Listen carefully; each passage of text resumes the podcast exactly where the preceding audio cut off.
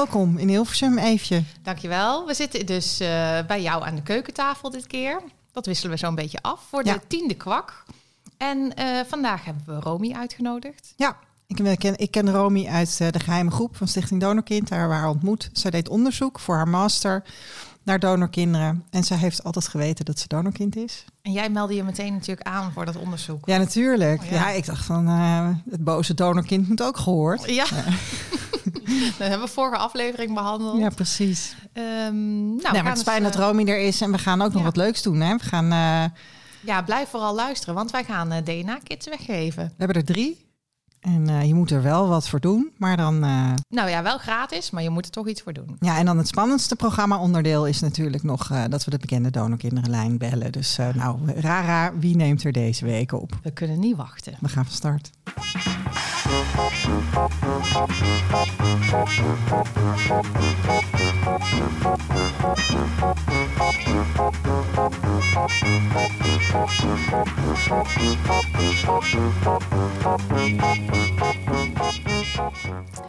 Welkom allemaal bij eh, de tiende kwak alweer. Zoals wij die ge- geliefd eh, tussen ons noemen. Hè? De kwak 1 tot en met 10. Eh, vandaag is de gast Romy. Hartstikke welkom. Dankjewel. Leuk om hier te zijn. Fijn dat je er bent. Ehm, zullen we beginnen met kort, Romy, wie is je vader, wie is je moeder? Ja, Romy, kom maar door. Hoi allemaal, ik heb aan Esther en Eefje gevraagd of er een paar kleine details uit deze podcast geknipt konden worden, omdat ik de privacy van mijn donor, net als van alle anderen in mijn verhaal, graag wil waarborgen en ik dit tijdens het gesprek niet voldoende had gedaan. Vandaar dat sommige stukjes misschien even anders klinken dan normaal. Ik wens jullie veel luisterplezier. Romy, wie is je vader, wie is je moeder? Ja, Romy, kom maar door. Ja, is goed. Leren we jou vast een beetje kennen. Ja, mijn moeder die is, eh, nou ja, Natasja en eh, dat is een alleenstaande moeder. En ik heb een donorvader en eh, een hele leuke man. Dus dat ga ik zo meteen wel meer over vertellen, denk ik. Mooi. En ehm, nou, we bespreken altijd even wat er in het nieuws was en wat we zelf hebben meegemaakt. Wie wilde beginnen? Ja, ik heb, ik heb Esther, wel een Esther had een waslijst. Dus oh eh, jongen, ja, ik vond het... eh, Romy, vul aan waar je ja, wil. is goed. zijn, eh, zijn spannende weken geweest. We hadden sowieso het hoogtepunt was eigenlijk wel afgelopen weekend, denk ik. Ehm, Omdat het vaderdag was. Oh ja. nou ja, dat kan. Dat kan. Ik, ben, ik was dit jaar met Vaderdag wat minder bezig. In het verleden vond ik dat best wel, eh, best wel een ding. Maar ik merk, ja, nu, eh, nu was ik eigenlijk meer, dacht ik van... oh, ik had eigenlijk best wel de man van mijn moeder... had ik wat aandacht aan kunnen besteden. Dus ik heb hem een appje gestuurd... dat ik volgend jaar een asbak voor hem klei. maar eh, ja, want die man is toch gewoon hartstikke lief. En eh, ehm, komt misschien op dit moment toch wel het dichtst bij... eh, iemand die dan toch een soort van vaderachtige rol vervult, zeg maar. Hij kookt heerlijk voor me, bijvoorbeeld. Maar goed, vaderdag, dat, ik heb er wel stukjes over geschreven. Ik heb er wel mee geworsteld, maar dat viel dit jaar wel mee. Nee, afgelopen weekend stond eh Stef in de krant. En Stef is, Stef is donorkind. Ehm, en we zijn al een tijd voor Stef op zoek met de Donor Detectives. Ik heb Stef ook een keer ontmoet en, en, en we hebben veel contact. Stef is ziek. Stef heeft een verouderingsziekte, dus ze is... ze is, eh, eigenlijk is het een hele jonge vrouw met, eh, met allerlei ouderdomskwalen. En eh, ze gaat steeds verder achteruit. Is afgelopen jaar ook aan haar hart geopereerd. Het is gewoon echt een heel pittig verhaal. En nou ja, zo iemand wil je natuurlijk heel graag helpen. Dus we, hebben, we hebben haar getest. Ehm, Els heeft haar ook nog eh, volgens mij 23andMe of zo cadeau gedaan. Weet je wel, geprobeerd om haar in al die databanken te krijgen. Als je En, zegt, eh, we hebben haar getest, dan bedoel je, we hebben haar test cadeau ja, gegeven. we hebben haar DNA, we hebben gezorgd dat ze in alle DNA-databanken staat. En zij heeft ook echt hele mooie matches. En dit is een hele uitzonderlijke zoektocht, want eh, normaal gesproken iemand met matches zoals deze, nou, Dan kom wie je kent je wel. werk? Weet je wel? Eh, nou ja, misschien, misschien een paar weken, afhankelijk van of mensen reageren. Ehm, maar Stef, haar hoogste match, die, eh, die heet Monique. En daar deelt ze ruim 300 centimorgen mee. Waarschijnlijk zijn, eh, zijn eh, hun vaders zijn waarschijnlijk neven van elkaar. Ehm, of, zij, of, of die match is een neef van haar vader. En die mevrouw die weet niet wie haar vader is. Dus nou, dat is dan heel vervelend. Eh, die mevrouw heeft ook halfzussen. Ook en, voor die eh, mevrouw is heel ook voor die mevrouw, weet je. Dus, maar dat betekent dat als we het raadsel van de een oplossen, dat we ook dichtbij zijn bij de oplossing van de ander. Nou ja, en eigenlijk zo die, die, die, die bovenste matches van Stef, ehm, die, daar is allemaal wat mee. Dus we, we krijgen gewoon geen duidelijkheid. En eh, eh, Wendy, een van de donor detectives, een van de vrijwilligers bij de donor detectives, die, eh, die heeft zich helemaal kleurenblind gestamboomd, schiet niet op. Dus nu dachten we, nou gaan we, nou gaan we gas erop geven. Weet je, Stef is ziek. Ehm, dus nu contact gezocht met de krant. En eh, dus heeft een prachtig artikel gestaan in, in de Stentor. En dat is doorgeplaatst in, in andere titels, onder andere in het AD, de landelijke titel van, van dezelfde uitgever. En daar komen heel veel reacties op nu. En dat is echt verschrikkelijk spannend. En dat is ook een heel mooi uitgebreid artikel, vond ik. Echt veel, eh, veel ruimte kreeg ze. Ja, ja en het is, best een, eh, het is gewoon best een bijzonder verhaal. Ehm, die die DNA-matches die wijzen naar het kamp. En als je dan contact hebt met mensen die eh, van het kamp komen, die zeggen van nou even één ding hè. Maar iemand van het kamp wordt nooit zaaddonor. Dus dat weet je, dus dat, dat, daar, daar zit ook wat ruis. Ehm, maar er, zijn, er komen nu allerlei reacties en, en, en we, hebben- zijn hoopvol dat, eh, dat, dat daar ook eh, ja, dat daar iets uitkomt. Wat we heel graag zouden willen eigenlijk is dat, eh, dat iemand van het kamp met ons meekijkt in die bomen. Ehm, weet je, dit zijn geen mensen die familieberichten plaatsen of overlijdensadvertenties en zo. Dus het, en dat zijn voor ons vaak belangrijke bronnen om informatie te vinden. Dus we hopen eigenlijk dat iemand met ons mee wil kijken. Maar ehm, ja, er er komen echt hoopvolle, hoopgevende reacties. Ehm, we hebben, eh, ik heb gisteren een DNA-testje naar Stef eh, opgestuurd, omdat er ook iemand is die heeft aangegeven dat ze wel wil testen. Die denkt dat ze familie is en dat ze wel wil testen. Tegen Stef ook gezegd van iedereen die eh, ja, mogelijk familie is of je wil helpen, bied maar een testje aan. En dan starten we gewoon crowdfunding om dat, om dat te betalen. Ja. Weet je? Dan gaan we gewoon, of er nou 10 of 100 tests nodig zijn, interesseert me helemaal niks. We gaan, hem, we gaan ook de vader van. Stef gaan we vinden. Ik zat nog even te denken wat jij zei, hè? want jij zegt eh, van iemand van het kamp doneert niet. Maar het kan natuurlijk ook zijn dat iemand van het kamp eh, geholpen is in een kliniek, hè, zoals we vaker verhalen horen. Ja. En dat dat zaad gebruikt is. ja, weet je, wat dat betreft zijn de mogelijkheden eindeloos. Wat Dus, natuurlijk dus ook het nog hoeft kan. niet zo te zijn dat die man zelf gedoneerd heeft. Nee, maar het kan ook nog zijn dat, weet je, zij kan eh, ook het resultaat zijn wellicht, dat weten we niet, hè, maar van een slippertje. Maar het zou ook kunnen dat, dat, dat haar vader het resultaat is geweest van een slippertje met iemand van het kamp. Want dat, Oh, weet je, ja, dus, dus er kan natuurlijk ook in, in die stamboom van die vader kunnen ook dingen zitten, waardoor, waardoor er linkjes zitten naar, eh, naar het kamp. Ehm, nou goed, het is, eh, dit, is, eh, dit is een spannend verhaal. Er gaat sowieso, het is vandaag woensdag, vrijdag gaat er iemand getest worden. En we hopen dat meer mensen gaan testen om, om Stef te helpen. En dat er dus mogelijk iemand gaat meehelpen met bomen. Nou, dat zou mooi zijn. Mooie oproep. Eh, er was nog meer, hè? Ja, Maria gaat in hoger beroep. Maria Ja. gaat in hoger beroep. Dat, eh, dat was op. afgelopen week in het nieuws. En ze was ook gewoon bij eh, eh, met het oog op morgen daarover. Inderdaad. Weet je, ze werd geïnterviewd. Ehm, dus dat, dat, ja, weet je, dat is eh, natuurlijk fantastisch dat dat ook op deze manier in het nieuws blijft. Hè? Ja. En, en ik zei ook tegen Maria, van, nou ja, ik appte haar, voor je het weet staat half Nederland op het Malieveld eh, te eisen dat jij gewoon weet, mag weten wie je vader is. Dat zou echt een mooie uitkomst zijn. Dat zou echt heel fijn zijn. Ja, en ik, ik zag van de week in mijn herinneringen, in mijn foto's, een foto van een aantal jaren geleden. Ehm, en, en toen ook, ook over Maria en het Mhm. feit dat zij graag de identiteit van donor K34 wilde weten. En, en ik kon me inderdaad herinneren dat er toen nog heel anders gereageerd werd Ja. dan nu. En dat er veel meer begrip is en dat er toen echt eh, ja, gewoon lelijke dingen gezegd werden. ja. Heb je dat toen dan ook meegekregen, Romy? Want jij bent nu 22? Ja, klopt. Nee, ik heb het van Maria zelf gehoord dat, eh, dat dat inderdaad zo was. En dat het nu inderdaad heel anders is. Ja. En wij denken toch samen ook wel heel erg vanwege alles wat er gebeurd is inderdaad de afgelopen jaren in de, in de media vanwege donorkinderen. Maar ook spoorloos en eh, DNA onbekend, denk ik, heeft daar echt wel in meegeholpen. Eh, dat soort programma's, dat het algemene publiek ook nu wat meer snapt misschien Ja. waarom je toch die identiteit wil weten van zijn Ja. donorvader. ja, hoe meer Ja. aandacht er voor is, hoe meer begrip Ja. eigenlijk hè, blijkt. Ja, Nou ja, we wensen Maria natuurlijk verschrikkelijk veel succes. En eh, ja we zullen haar hier zeker nog over spreken, verwacht ik. Ja, zodra er weer nieuws te melden is, dan gaan we daar weer bellen. Ja, ja.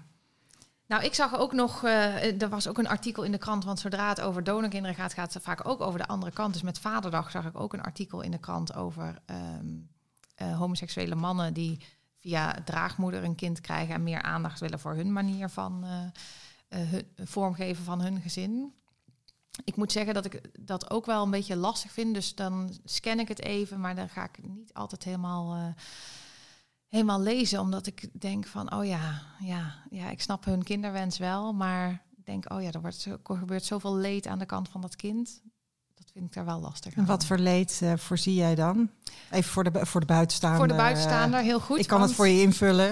Want we hebben een, eh, een reactie gekregen van een luisteraar, Romy, heel leuk. Die zei, ehm, ja, jullie gaan soms zo snel op een thema in. En dan, eh, z- zij staat er helemaal buiten, maar ze vindt het wel interessant om de podcast te luisteren.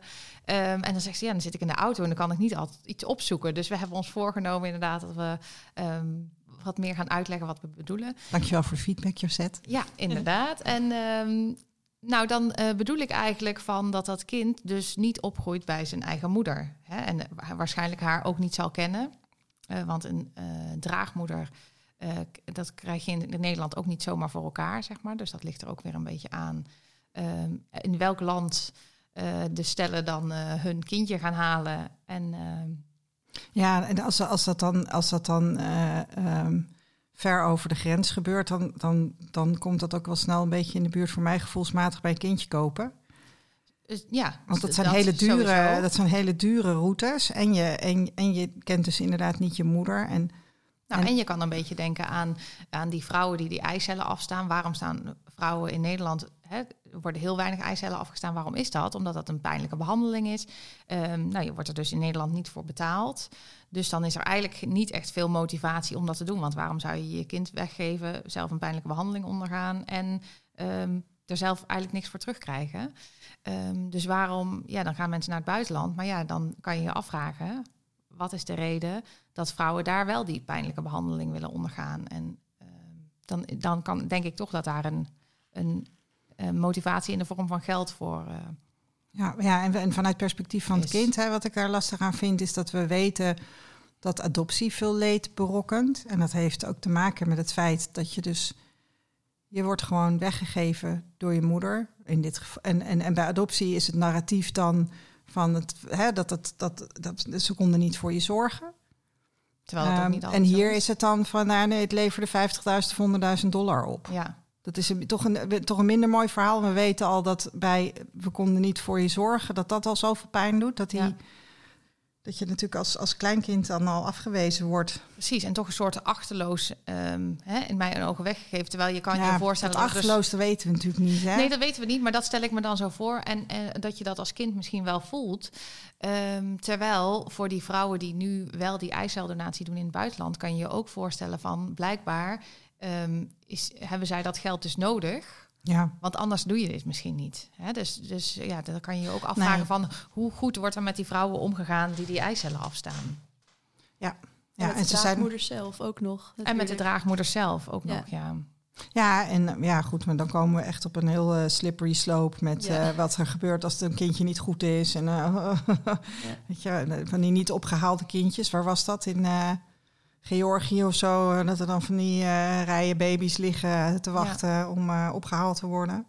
Maar goed, Nou, en dan nog ehm, het risico wat die mannen natuurlijk zelf nemen. Hè, als het dus wel bijvoorbeeld een kindje van hun eigen zaad is. Maar de draagmoeder is ehm, wettelijk gezien de moeder totdat het kindje is geboren en de adoptie is geregeld. En zo'n vrouw kan dus ook nog zeggen. Eh, ja, nee, ik heb dit nou gedragen, ik heb hier een band mee opgebouwd. Of wat ze ook zegt, maakt niet uit. Het is mijn kind, ik hou het. Zeg maar. Ja. Want zolang het in haar buik zit en geboren is en zij niet ondertekent om het af te staan, is het haar kind. Dus er zitten zoveel risico's aan dat ik dat eigenlijk eh, gewoon eh, spelen met eh, levens vind. Ja, en dat zit dan, want zo'n artikel, dat is natuurlijk, dat, dat, ehm, ik heb ze ook gezien, hè, die, die verhalen. Eh, er is ook, eh, volgens mij was er een fotoserie, die heb ik heel veel langs zien komen op Instagram met eh, gezinnen met twee vaders. En voor ons zit daar inderdaad zo'n heel verhaal aan vast. Terwijl heel veel mensen natuurlijk gewoon twee mensen zullen zien met een grote kinderwens. Hè, Ja. De wens om een gezin te stichten. En ik denk dat dat, dat, dat ja, iedereen met een beetje inlevingsvermogen snapt dat. Ja, dat is precies. natuurlijk gewoon. En dat zijn, en het zijn, ik vind zelf die foto's van die gezinnen met die twee kerels en die kindertjes. En ik vind dat ook prachtig. Ja, weet wel je? stoer zo, twee Nou, vaders. ja. toch? ja. Ja, Nee, dus ik vind ook mooi, hè, de- ja, je gunt iedereen die een kinderwens heeft, gun je dat natuurlijk. Alleen dan toch maar zijn je eigen kant- draagmoeder meebrengen of zo. De andere kant kan zo cru zijn dat ik denk, ja, het, het is geen sprookje of zo. Hè? En als je een draagmoeder hebt, dan heb je ook gewoon geen moeder, maar dan heb je een draagmoeder. En dan, het wordt natuurlijk helemaal ingewikkeld als dat eitje weer bij iemand anders vandaan komt dan bij die mevrouw die het draagt. Ja. Hoogtechnologisch draagmoederschap. Oh, dat doet me denken aan die mail die we kregen. eh, Een mail van uh, Margreet. Die was heel erg geïnteresseerd in onze podcast. Geen donorkind, maar kende haar vader niet.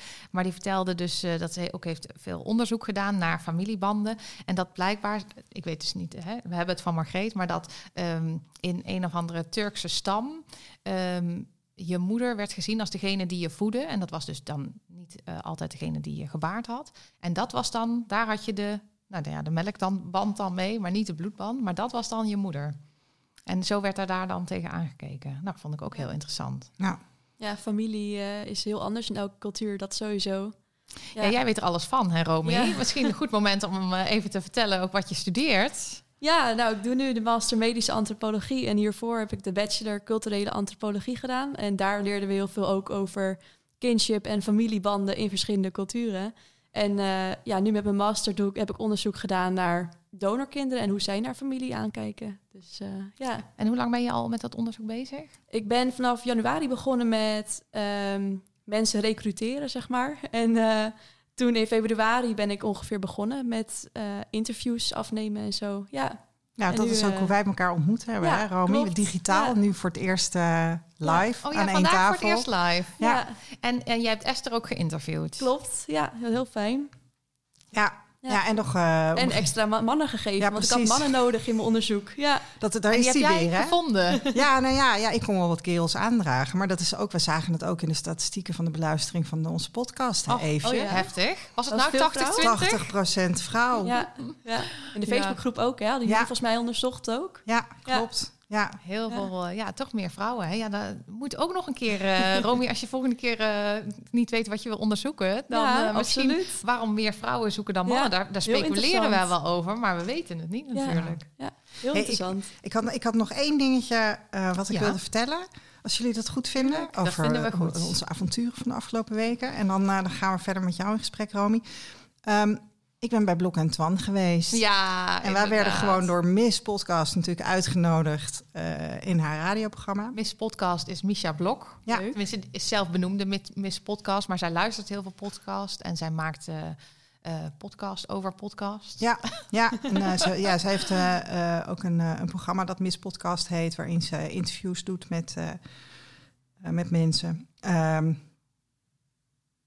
ik ben tien minuten in gesprek geweest daar of zo. En het was Ja. natuurlijk bij mij op mijn werk, want ik werk bij de NPO. Ja. Oh. Dus eh, ik, eh, ik kon gewoon op de fiets naar mijn werk. En eh, naar Ja. de, eer- naar, in het radiohuis, naar de tweede verdieping. eh, hoi. En dan even aanschuiven, tien minuutjes en meepraten. Ja, ik was ook uitgenodigd en ik zou telefonisch aansluiten. Maar dat dacht ik zelf al van ja, dat lijkt me zelf een beetje onhandig. Eén iemand live en één iemand eh, Ja. telefonisch. En toen werd ik ook inderdaad, ben ik wel vrijdags gebeld met een, een gesprek van een half uur om eh, eh, voor, voor te bereiden. En toch op maandagochtend afgebeld. Toen Ja. hoefde het niet. Nee. Maar ik vond eh fantastisch. Jij deed fantastisch. Jij hebt mij daar helemaal niet meer nodig. Nee, Dus want dat het is was geloof ik als, ze dan, als jij dan belt en ik zit er live, dan zit er vertraging in. Dan wordt, het- dan wordt Oh zo'n ja. gesprek snel Ja, ongemakkelijk. Dus qua techniek is dat niet prettig, begrepen. En ook voor een gesprek voor 10 minuten. Ja, Dat ik moest ook werken. ja. Ja, Ja. ik ging toch niet helemaal naar Hilversum Ja. rijden. Nee. Ja, en voor mij was het dus heel makkelijk om tijdens mijn werk eventjes... Handig, eh, ja. ja. En ik vind het ook heel erg leuk, weet je, als eh, medewerker van de afdeling marketing van de NPO... om dan toch heel eventjes bij de, bij de programmamakers te mogen binnenkijken. Dus dat Ja. is ook gewoon leuk. Ja. Maar ik vond het een leuk gesprek. Want En ik- het allerleukste, Esther, Ja. ga je dat vertellen? Wat je het allerleukste vond aan het gesprek? Aan, op de radio zijn? Esther vond het allerleukste. Oh ja, ja, ja, ja, Die foto.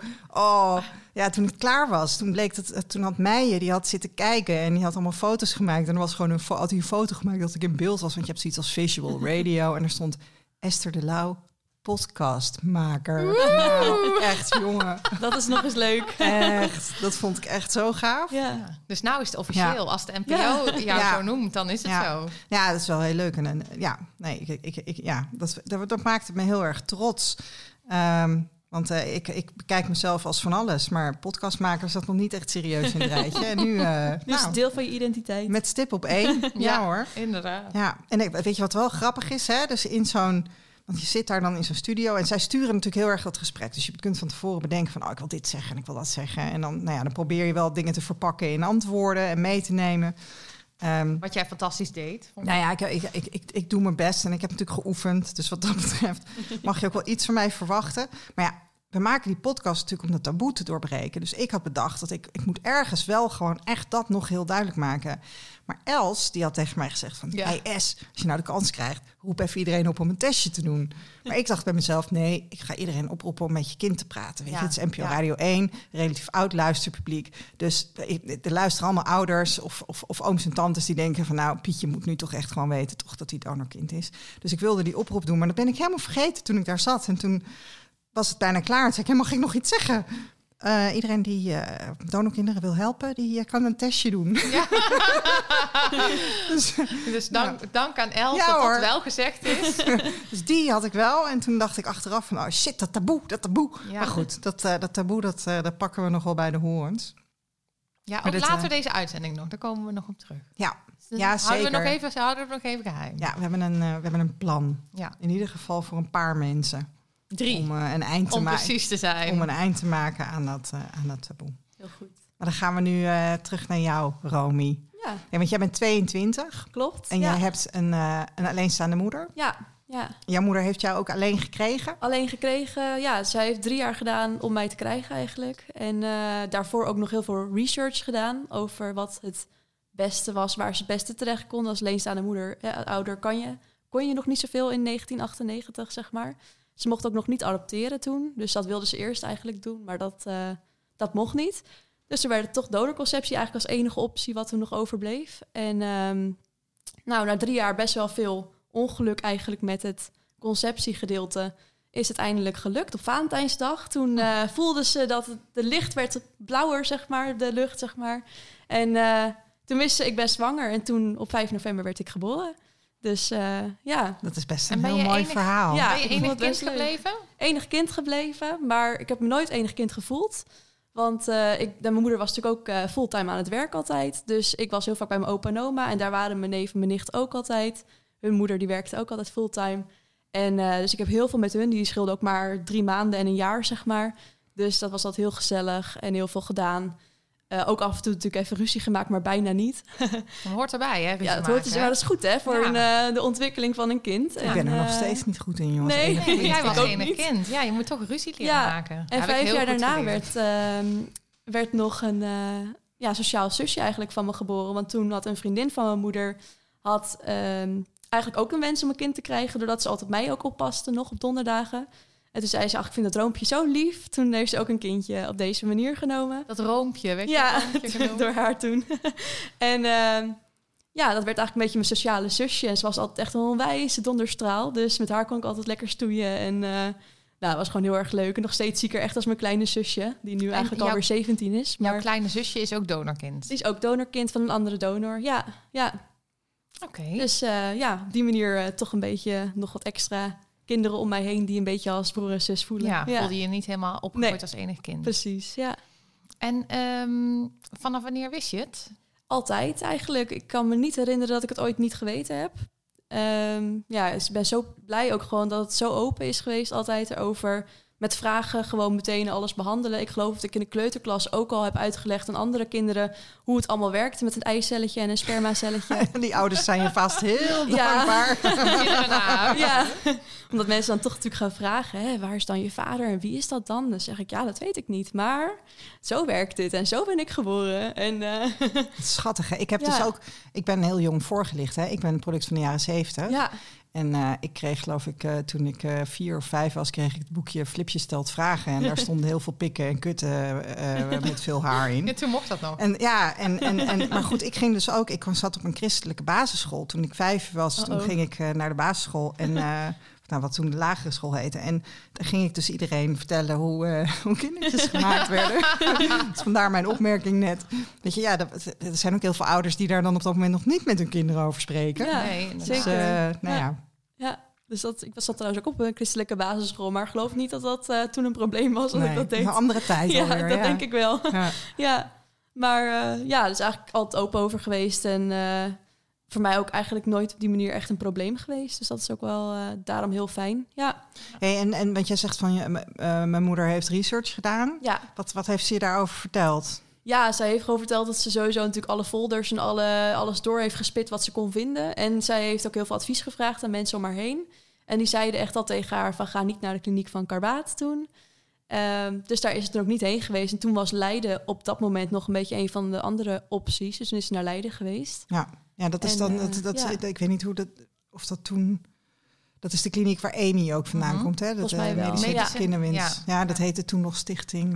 Nou, Nog iets anders, Ja. ja. ik weet het ook niet precies. En wat ze mij daar ook heel erg over verteld heeft... dat ze altijd in een ruimte zat te wachten... waar ook mensen met abortussen zaten. En dat vond zij heel heftig. Want dan dacht ze echt van... ik wil zo graag een kind. En deze mensen die gaan nu hun Ja. kind weg laten halen. Ja. En dat is natuurlijk ook heel, heel Ja, naar en Kan ik me gek. heel goed voorstellen, Ja. ja, dat het Ja. heel heftig is om naast te zitten dan. Ja. Ja, Het is een En zeker bijzondere of je nog niet ook, weet wanneer... Jouw moeder wist natuurlijk ook niet wanneer het zou lukken. Hè? Nee, als je dan al absoluut 2,5 niet. jaar Ja. bezig bent, dan... eh, ja, en ook af en toe een fout van de, van de kliniek zelf. Dat het eh, op de laatste keer was het eh, besmet geraakt. Haar, eh haar eicellen en haar... eh, ja, dus dat was natuurlijk echt heel erg naar natuurlijk. Hoe, Dus- bedoel je dat? Ja, ze, hebben, ze hadden iets verkeerd gedaan. Ze zat een of ander... Ja, ik, ik- dit vind ik altijd heel moeilijk om te vertellen, dus dat Ja. weet ik eigenlijk verder niet zo goed. Maar er zat, het was gewoon besmet geraakt. Het was geen goede portie meer, dus het moest weggegooid worden. mm. En, Want is, eh, ben jij dan met IVF gemaakt? Ja, met IVF uiteindelijk, omdat het dus zo slecht ging, omdat het zo moeilijk ging. ja, precies. Ja, Ja, want, dus wij- want wij, daarom, zijn, eh, wij zijn met KID. Ja, dat is anders. Het is En, eh, vermoedelijk ja. ook mee begonnen, maar dat, eh, dat ging inderdaad niet.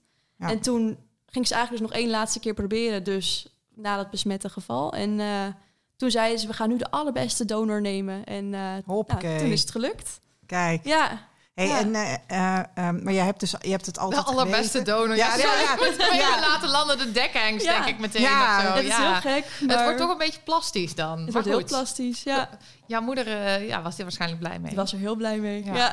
Ja. Ja, Sorry, jij wilde iets zeggen, maar... Ik ben nu ook even van me Ja, apropos met die dekhengst. Ja. je gaat meteen eraan denken dan. Ja. Ja. Nee, goed, maar ik, ik, jij geeft aan hè, van ik heb het altijd geweten Ja. ehm, ehm, en ik heb me niet eenzaam daarin gevoeld. Nee, Dat, is natuurlijk, dat is natuurlijk hartstikke fijn. Ja. Dus jij groeit eh, redelijk harmonieus op in Ja. een liefdevolle omgeving. Ja. Ehm, absoluut. hoe, hoe, hoe ging dat dan bijvoorbeeld met Vaderdag? Want dan wordt er geknutseld Ja. op school. Klopt. Ja, dat is eh, voor mij ook ook nooit een ding geweest. Want ik ging het altijd voor mijn opa maken. Kijk, Dus, eh, Want daar was je ook veel natuurlijk. Daar was ik ook veel. Dus dat was ook een soort vaderfiguur voor me eigenlijk. En eh, dan maakte ik en mijn neef en mijn nicht trouwens, eh, die maakten dan ook voor opa. ze heeft heel veel asbakken gekregen. Toen Ja. kleidde je toen eigenlijk nog asbakken? Nee, dat niet meer. Nee, nee eh, meer eh, doosjes of zo. Ik weet niet precies wat er dan in mocht. Misschien sigaren of zo, geen idee. Ja. Ja. ja, dus eh, dat soort dingen. En eh, ja, dat was eigenlijk ook altijd prima. En ik merk wel, ik heb als kind was ik echt zo'n romantisch beeld van het gezin en van vader en moeder. Hè. Ik, dat wilde ik later absoluut ook een vader, of, eh, een vader voor mijn kinderen dan. Ja. En, ehm, en dat betekende dus niet dat ik het erg vond dat ik dus met mijn moeder alleen opgroeide. Maar ergens zat dus wel heel erg het romantische beeld van eigenlijk moet je een vader en moeder en twee kinderen hebben. Oké. Dus op Valentijnsdag ging ik altijd voor mijn moeder een kaart maken met van Piet of van Henk. En Oh. dan, eh, ja, en ik heb er als kleuter heb ik ook nog wel eens gekoppeld in de trein. Zeg ik nou, kijk mam, het is helemaal niet zo moeilijk. En eh, ja, Wilde je jij moeder- graag eh, dat ze ik wil graag had? dat ze een relatie had, omdat ik het zielig vond. Maar dat was natuurlijk helemaal niet zielig. Maar eh, ik, ja, dat is jouw dat moeder alleen gebleven? Ja, altijd. Ja, Oké, ook nu nog. ook nu nog. En ze heeft er ook geen behoefte aan eigenlijk. En, eh, maar ik merk, ja, dat is eh, natuurlijk na de, nadat ik tien was geworden, zeg maar, heb ik dat allemaal losgelaten. Maar dat eh, eh, had ik als kind heel erg, inderdaad. En hoe kom je dan aan dat beeld, denk je? Ja, ik denk toch gewoon vanuit school. Er waren toen weinig scheidingen nog in onze klas. Dat gebeurde pas in groep 8, zeg maar, dat begon.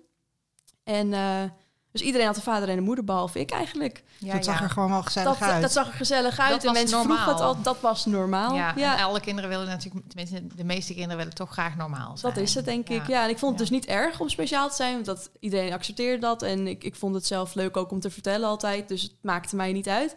Maar ik had dus kennelijk ergens wel het beeld van, Ja. het hoort eigenlijk wel, een vader erbij. Ja. Nee, en werd jij dan ook op een gegeven moment nieuwsgierig eh, eh, Nee, wie, wie dat dan zou zijn? Ja. ja. want je wist dus hoe, hoe, hoe kindertjes gemaakt werden. Dus Ja. dat, dat zaadje dat moest ergens Ja. vandaan komen. ja, gek genoeg dus niet. En dat snap ik zelf ook niet helemaal, want eh, ik ben eigenlijk nooit heel nieuwsgierig geweest.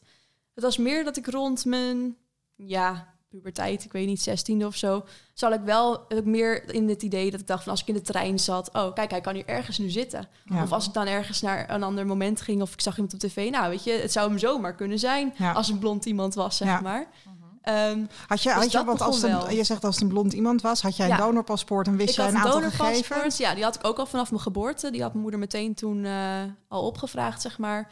Dus ik wist alles al vanaf altijd. Dat, dat, als ik dat daarom vroeg, zeg maar. Dan... Alles, alles. Wat was alles Nou wat ja, jij wist? alles natuurlijk niet, maar een paar, gewoon één A4'tje eigenlijk. Dat Ja. was het. En daar stond dan eh, dat hij blond was, een beetje slag had in zijn haar, blauwe ogen, zijn lengte. Hij was geboren in 1972.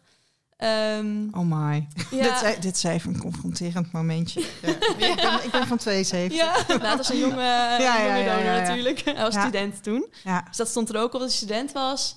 En, En ook eh, wat hij studeerde? Nee, dat niet. En ook verder niks. En dat, dat kon ik dus op mijn zestiende aanvragen. Wat ik, eh dat had ik uiteindelijk op mijn achttiende gedaan. Maar toen kreeg ik allerlei andere dingen met persoonskenmerken. En inderdaad wat hij ges- gestudeerd had en dat soort Want dingen. jij, jouw moeder heeft dus bewust, want dit was een Ja. tijd waarin je dan Klopt. kon kiezen hè, voor een bekende Ja. of een onbekende donor. Ja. En jouw moeder heeft bewust de keuze gemaakt om gebruik te maken van een bekende donor. Of iemand die later. Ja, voor bekend zou 2004 worden. inderdaad. Dus die keuze kon je zelf maken. Maar ze heeft wel altijd al gezegd, het moet een bekende donor zijn. Want ik wil niet, als ik ook al mijn kind zeg maar, van een vader ontneem... wil ik ook niet nog die keuze ontnemen dat je ze hem wel mag leren kennen, zeg maar. Ja, Hey, en ergens, eh, je, je hebt dus meer informatie op kunnen vragen op enig moment. Ja, ja. Ja, we hebben het er heel vaak over gehad, mijn moeder en ik. En ik was altijd zoiets van, nou, je, komt later wel. Ik heb nu nog niet zo heel veel behoefte aan. En de moeder zei altijd van, ja, als je wil zoeken, zou ik het gewoon wel snel doen. Want voor het weet is hij toch ziek of dood, of wilt hij het niet meer. Dus ehm, Sorry, jij ja, je moet ook een beetje lachen door het gemak. Ja, voor je het weet is ziek of dood. ja, Terwijl, ja, het is zo'n Ja. belangrijk ding. het is, ja, het is gewoon, ja. ja. Geeft wel aan dat het heel erg bespreekbaar is. Hè? Als, als, we zo, Nou. als Romy dat zo luchtig kan vertellen. Ja, En ik vind ja. het mooi dat jouw moeder jou eigenlijk dus stimuleert van Ja. inderdaad, want anders kom je misschien te laat. Je ja, weet het niet. precies. Zij zei wel van, als je 16 bent, is misschien nog wel jong. Stel, het is geen leuke persoon. Mhm. Wat zij niet verwachtte, want ze kende mij en ze dacht dat het zal wel goed staan, zeg maar. maar stel het is geen leuk persoon, dan heb je, kom je misschien wel echt in een identiteitscrisis terecht. Dus ze zegt, doe het maar na je eindexamen, als je het wil. Ik heb het na mijn eindexamen gedaan, dus het eerste jaar van mijn universiteit eh, studie, zeg maar. En eh, ja, toen heb ik hem inderdaad ontmoet en dat was eigenlijk een eh, heel leuk persoon. Dus nou ja. Oh, maar oh, jij gaat heel snel. Ja, Eh, want je, wil, je dacht, oh, dan ga ik eh, het opvragen. Ja, ja nee, toen uh, het was nog niet per se dat ik toen wel die behoefte kreeg, maar ik moest op een gegeven moment een stamboom maken bij uh, mijn allereerste hoorcollege of werkgroep van uh, studie. En dat, is, dat had te maken dus dat dat hadden over familie en over Ja. kinship. En dan hoort een stamboom natuurlijk erbij. En ik heb dan altijd een vraagteken aan Ja. één kant. En dat vind ik niet erg, maar ehm, het was wel dat ik dacht van het wordt misschien wel tijd om te weten wel wie er allemaal staat. En ook qua halfbroers en halfzus. Want daar was ik wel mee bezig. Dat ik dacht van, je zal maar een keer in een kroeg staan of ergens op een feestje zijn. En je gaat opeens met een halfbroer van je, zeg maar. Dus Ja. dat dacht ik wel altijd. Ja, Ja. en, en heb, we komen dadelijk terug bij Ja. de vader, maar we maken het even spannend. Maar heb je dan, denk je dan ook wel eens van, nou, met de tijd van nu, want Ja. eh, nu is het heel makkelijk om een DNA-testje te doen en dus Ja. halfbroers en halfzussen te ontdekken. ja. Had je dat eerder gedaan als dat eh, bijvoorbeeld eh, op jouw zestiende ook al kon? Weet ik niet. Ik weet niet of ik er toen genoeg mee bezig was nog, zeg maar. Dus ik denk het niet. Ja, wat, bij mij begon het gewoon meer rond mijn achttiende. Dat ik dacht van, misschien Ja. toch wel goed om te weten. En dat volwassener worden. En dan ook denken, ja, het is best wel een reële kans dat je iemand tegen kan komen. Zo weet ik nu ook trouwens dat ik ooit op een kinderfeestje ben geweest met een halfbroer van mij. Dus dat is ook best wel gek eigenlijk om te Nou, weten. inderdaad. Dat is echt bizar. Toen Ja. werd er meestal nog niet gezoend, denk ik, op Nee, dat kinderfeestjes. gelukkig niet. Niet getomd in nee. ieder geval. Nee. Nee, gelukkig niet. Maar dat is toch heel gek. Ja, dat is heel gek. Ja, ja. En toen dacht je, ik ga het opvragen. En hoe ging dat toen? Wat moest je doen? Ja, nou, ik kon allemaal via het FIOM. Dus ik heb ook nooit een DNA-test hoeven doen. Ehm, dus ik ging via het FIOM dat opvragen. Dat kon ik allemaal invullen. En kon ik zelf doen ook. Dus mijn moeder hoefde daar ook verder niet eh, iets voor te doen, gelukkig. En eh, toen kreeg je eerst dan krijg je nog je uitgebreide donorpaspoort. Inderdaad, dat is dan van vier A4'tjes, zeg maar. En dan krijg je net allemaal persoonskenmerken en uiterlijk kenmerken. En eh, medische geschiedenis was niks aan de hand, zei hij. En alles, al dat soort dingen. Staat daar daarna- dan ook een motivatie bij? Waarom? eh, Nee, dat vond ik eigenlijk ook wel gek, maar dat stond er volgens mij niet. Nee, als ik me nu eh, uit mijn hoofd... Het is Ja. een tijd geleden dat ik het heb gezien, maar nee, volgens mij niet. En eh, wat ik zelf ook heel gek vond, dat je dan bij het FIOM eerst een soort van raar gesprek moet doen met een van de begeleiders bij FIOM. Dus dan moet je een soort van, wat zijn jouw verwachtingen, zeg maar. En dan gaan ze dat matchen met die van de donor. En dat is natuurlijk ook ergens wel heel goed, maar ik vond het wel dat ik dacht van... Wil hem ook wel gewoon nu ontmoeten, zeg maar. Ja. niet per se nog weer eerst een heel voorbereidend gesprek. En dan gaan ze dat matchen met die van de donor. Maar ja, Ja, als in dat je jou kunnen voorbereiden op wie Oh, die ja. is. En, en dat je dan je verwachtingen bijstelt. En, en, maar goed, dat was bij mij dus niet nodig. Want dat matchte al, zeg maar, met die donor. En hij zei van ja, het is een hele leuke man. En eh, je hebt hele leuke halfjes. Dus nou ja, goed, dat, eh, dat komt allemaal goed. Maar ehm, ja, en toen daarna een gesprek dat ik dan hem kon ontmoeten in Den Bosch. Waar ik natuurlijk helemaal niet in de buurt van woon. Dus ik woon in Castricum natuurlijk eerst. En nu in Amsterdam. En eh, dus ik ging samen met mijn moeder naar Den Bosch toen. En toen moest ik dan eerst met Fred van het Vion dan eh, gaan zitten, zeg maar. En toen zei hij, ja, nou, hij komt, eh, of hij zit al in het lokaaltje of in het kamertje. En eh, als je wil, dan mag je eerst zelf even en dan kun je daarna nog je moeder erbij, eh, erbij roepen als je dat gezellig vindt en leuk vindt. Ik zeg, nou, dat wil ik wel, want zij wil hem natuurlijk ook ontmoeten. Ja, Dus en dat is ook leuk natuurlijk juist dat je dat samen kan weten, lijk ik op hem. En dat is natuurlijk voor jezelf altijd moeilijker te zeggen. Dus, eh, nou, dus ik zat daar eerst met Martijn, dat is mijn donor. En ehm, ja, dat was heel gek. We hadden allebei iets groens aangetrokken. Ik trek eigenlijk niet heel vaak wat groens aan. En hij had ook iets groens aan. En ik vond dat we erg op elkaar leken, dus het was meteen goed. ja. ja. dat was heel gekke Want dat is, maar jij gaat dus die ruimte in Nou, en dan zit er een meneer. Ik kreeg zo Ja. Ja, Ik- ik- met hier, het idee dat jij die ruimte dan in Ja. moest nog. Ja, en het gek was, het was ook een hele rare dag. Mijn moeder en ik zaten natuurlijk in die trein. Het duurt drie uur om van Castricum naar Den Bosch te gaan met de trein. En wij dachten, de hele treinreis, zal die nou ergens in zitten? In Oh, Dat, dat, dat, maar dit is misschien wel zo'n kamertje bij Fion waar wij ook gezeten hebben. Ja, inderdaad. Alleen zat onze donorvader dan niet in nee, de nee, kamer nee, nee, nee, nee. ja, ja. Maar je dacht, misschien zit hij in de trein. ja, dus mijn moeder zei ook al, ja, hij kan er zomaar eh, Och, zitten. Dat je ja. elke man die je tegenkomt, ga je denken, ben jij het, ben jij het? het is heel gek. En toen zaten we in Den Bosch, gingen we nog even een bosbol eten. Nou, die kreeg ik helemaal mijn keel niet door. Nee. Maar eh, dus uiteindelijk hebben we, al de elfde, elk de helft. En ik heb zelfs die helft niet opgegeten, zeg maar. Veel te spannend Veel te eigenlijk. spannend. Hè? Ja. En eh, toen dacht ik bij elke man die voorbij fietste, zal dit hem zijn dan? En Ja. zal dat hem zijn? en Het voelt toen, echt ook inderdaad de spanning. ja, ja, het was echt heel gek. En ik was natuurlijk, nou ja, ik was toen net 19, geloof ik.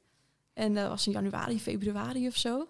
En toen, eh, nou ja, toen werden we door Fred dus net naar boven. Mijn moeder werd naar een ander kamertje gezet en dan ging ik naar hem toe. Ja. En nou ja, goed, toen was hij daar. En eigenlijk meteen al die zenuwen gingen weg. Ja? En dat heb ik dus niet heel vaak met nieuwe mensen. Nu tegenwoordig wel, maar eerst niet. En eh, Wat, eh, sorry, wat heb je niet met nieuwe mensen? nou, nou, nou, maar als ik maar als, eh, als kind en toen ook nog, toen ik 19 was, gewoon, dan ben ik altijd zenuwachtig als ik iemand ontmoet. En ook nog steeds gewoon het hele gesprek. En dat heb ik dus tegenwoordig niet meer. En dat was eigenlijk toen. eh, ik kwam daar en het, het was goed. Het was gewoon helemaal goed. Oh. Ja, Voelde je wel, de, je voelde dus meteen een soort band dan? Of, ja of- ik voelde meteen gewoon geval- rust. Dat was het eigenlijk. Dat ik dacht van, ja, het klopt. En dat, dat was eigenlijk voor mij ook al goed. Dat ik dacht van, ja, nou, En als je hem in de trein had gezien, Romy, Ja. had je dan gedacht, ja, dat is mijn vader? ik denk het wel. Ja? Maar dat is dus heel gek om te zeggen natuurlijk. Grappig. Ja, want ik heb altijd gedacht dat ik alleen op mijn moeder leek. En dan lijk je opeens ook nog op een andere Ja. persoon. Dat is heel gek. Ja. Ja, En het En- is en natuurlijk fijn? ook gewoon zo. Ik Ja. bedoel, je, je lijkt natuurlijk ook gewoon op je vader en je moeder. ja. Het eh, en, eh, ik heb ook wel familieleden die dan zeggen... moet je niet nog een keertje DNA-test gaan doen, bijvoorbeeld? Nou, dat wilde ik eigenlijk ook eh, vragen, want ja, ik ja, geloof om het voor zekerheid ja. te weten. Maar ik zeg, nou, dit voelt zo oké. Ja, jij weet En het ook al gewoon. is het niet echt zo, dan vind ik het alsnog fijn... omdat dat, dat hem gewoon is, zeg Ja, maar. Dus dan wil, Dus, je, eh, wil je daarbij blijven. Ja, ja. Ja. Ja, want dat is Dus, wel iets wat wij inderdaad... eh, wat, Ja. door al, we hebben een aflevering gemaakt over misstanden. ja. Ehm, weet je, de, de, hebben natuurlijk, eh, eh, er is vaak bij, bij klinieken het een en ander misgegaan met de administraties. Absoluut. En vandaar dat er bij ons wat wantrouwen zit. Ja. Dat we Ja. denken van... eh, Maar Dat is ook en, heel en bij Leiden ja. ging er wel eens iets mis. Maar Leiden is wel een van de klinieken waar Ja. de meeste mensen tot nu toe ook nog een kloppend eh, donorpaspoort Ja. bijvoorbeeld kregen. Hè? Ja, alleen wa- wat, wat, wat Amy vertelde ehm, en ehm, eh, Jelte ook, weet je, dat ze dus in één cyclus vaak meerdere donoren Klopt. gebruikten. Ja. Maar dat is natuurlijk met IVF is dat anders, want dan breng je Ja. echt een eitje en een zaadje bij elkaar Ja, en die je plaats je, terug. Dus Ja. dat is anders dan inseminatie, waarbij Ja. je in een week drie verschillende mannen gebruikt. Want dan Ja. verschuilen ze zich dus soms achter van ja, we- helaas, we weten niet wie het is. En bij jou eh, werkt dat niet. Nee. Dus, eh, dus dat is heel Dat fijn. is dan wel fijn. Ja. Ja. Nou, Ja. en toen had je Martijn ontmoet. Ja, En toen? Ja, nou, ja, hij heeft een onwijs bleke huid. En toen snapte ik ook waarom ik zo bleek was, zeg maar, altijd. Ik eh, word ook niet heel makkelijk bruin, zeg maar. en eh, dus dat was heel grappig. Ja, zijn mond lijkt gewoon... Of mijn mond lijkt dan eigenlijk op zijn mond natuurlijk, want zo werkt dat. en, is de volgorde. Uh, ja, precies. Ja, ja. um, ja, en voor de rest lijkt alles op elkaar. Maar dat is dan ook moeilijk om te zeggen. Want mijn ogen lijken bijvoorbeeld ook op mijn moeders ogen. En dan, oh ja. Maar ze lijken ook op die van Martijn. Dus dat is dan toch... Dan weet je niet zeker van wie het nou hebt. Of misschien wel van beide kanten natuurlijk. Um, ja, mijn haarkleur, zeg maar. Ik dacht ook altijd, mijn moeder is super blond. Dus dat heb ik ook van haar. Maar ik heb er ook een beetje iets rossigs doorheen. En dat komt dan weer van zijn kant, zeg maar. Uh, en voor de rest, hij is dus filosoof. Dus qua innerlijk was het eigenlijk ook heel goed. Dat rustige kantje wat ik heb, dat heb ik gewoon heel erg van hem. En um, ja, en dat, dat mijn antropologie, dat is eigenlijk filosofie in de praktijk.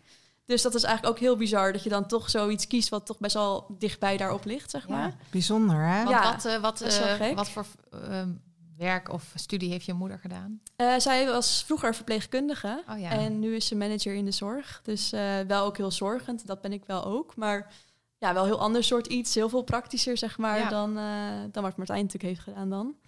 Ja, en... Um, wat me vooral opvalt, hè, is dat ja. je dus als we vragen hoe, van hoe was dat, dat jij je komt een hele grote opzomming van wat je, wat je dus van hem hebt, of de ja. herkenning. En ja.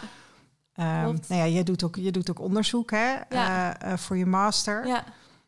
Um, is dat een universeel thema voor donorkinderen? Ja, absoluut. Ja, ja, dat is eigenlijk wat ik nu ook uh, beschrijf onder doing kinship. Is dus echt al die opsommingen, inderdaad, wat jij zo zegt, met innerlijke en uiterlijke kenmerken.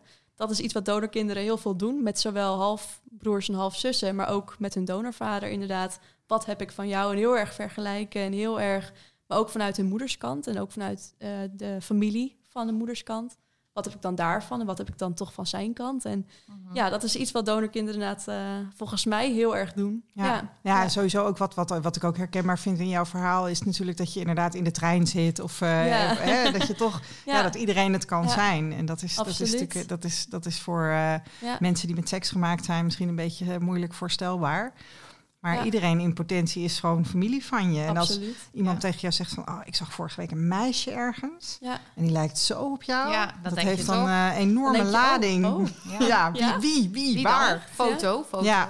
Ja. Want uh, ik zat net ook nog te denken, want ik ben nou natuurlijk de hele tijd aan het denken dat Josette ons vroeg van ja, wel een beetje de context schetsen. Oh ja, want kijk, wij snappen het supergoed als jij zegt van uh, hoe spannend dat was. Ja. Dat hij dan in de andere kamer zat. Maar ik, ik dacht, misschien toch nog goed om te bespreken. Wat is dan, hè, wat is dan het spannende? Wat maakt dat zo spannend? Ja, maar ik ging er wel vrij verwachtingloos in. Want ik had ook echt zoiets van, als het niet iemand is waarmee ik niet klik, zeg maar, dan is het ook oké. Okay, want ik mis niet echt iemand in mijn leven. En ik, en ik herken mezelf heel erg in mijn moeder.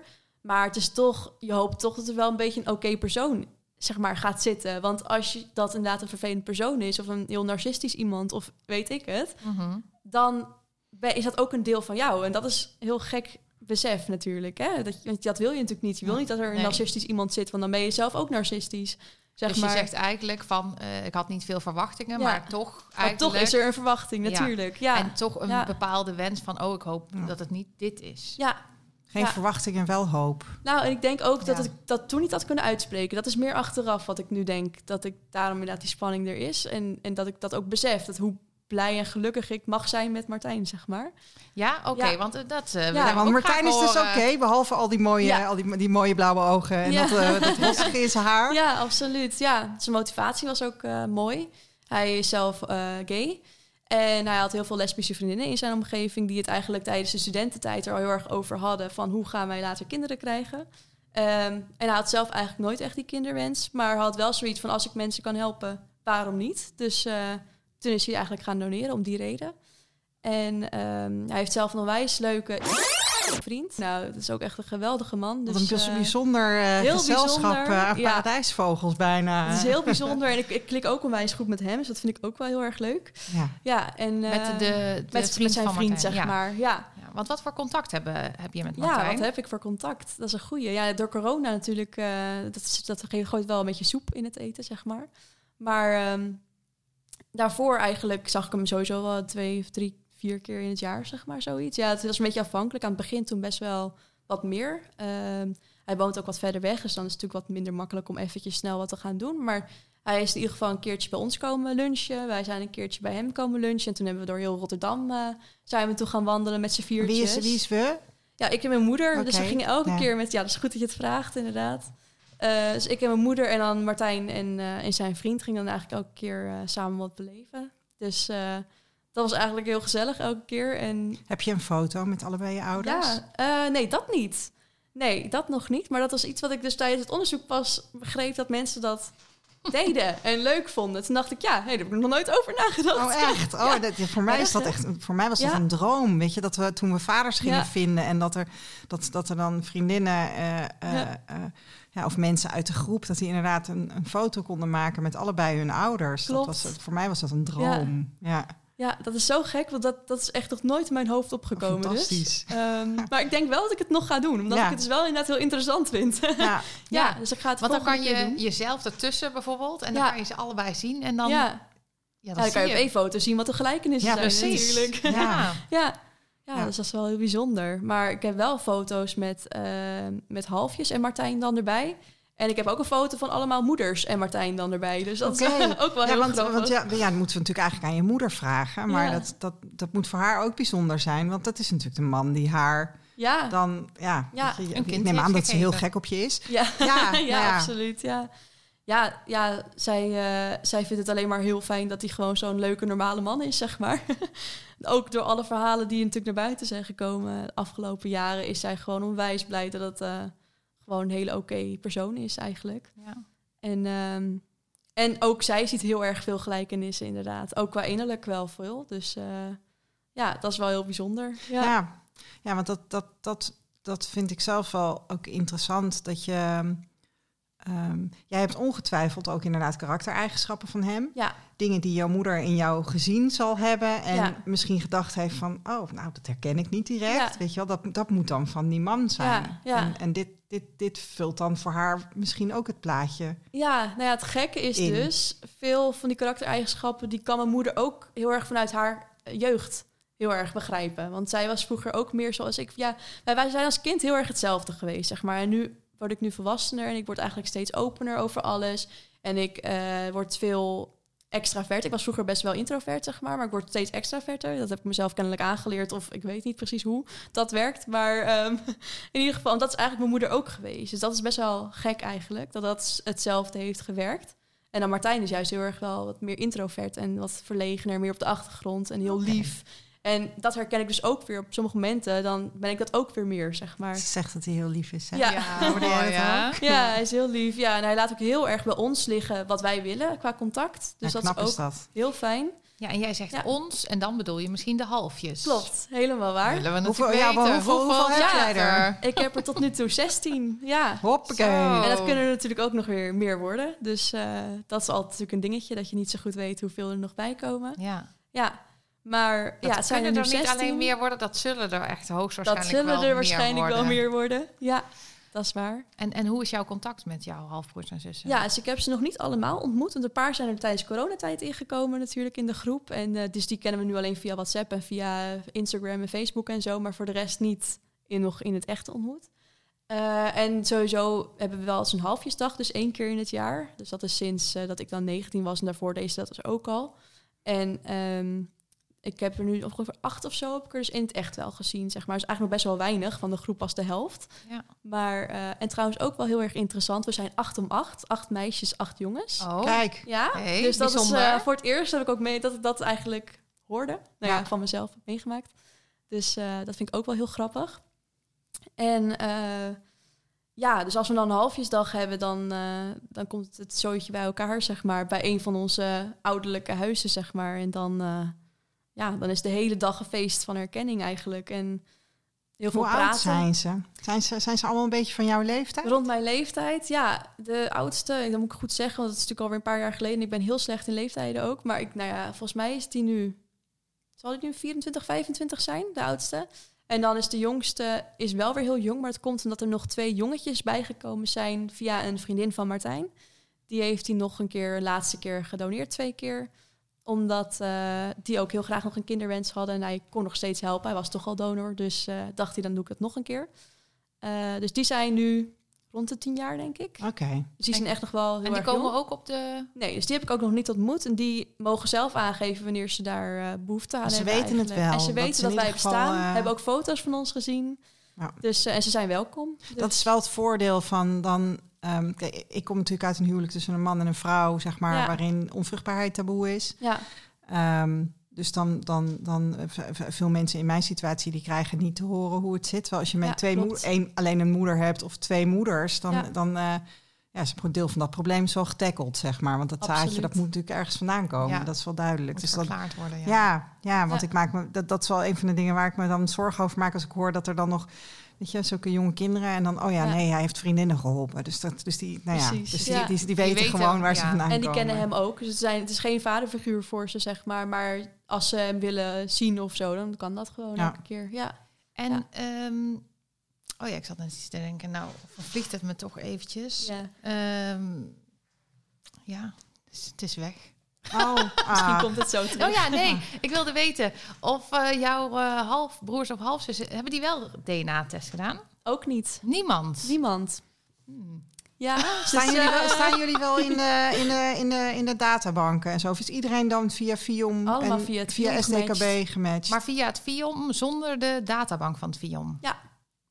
Hmm. Ja.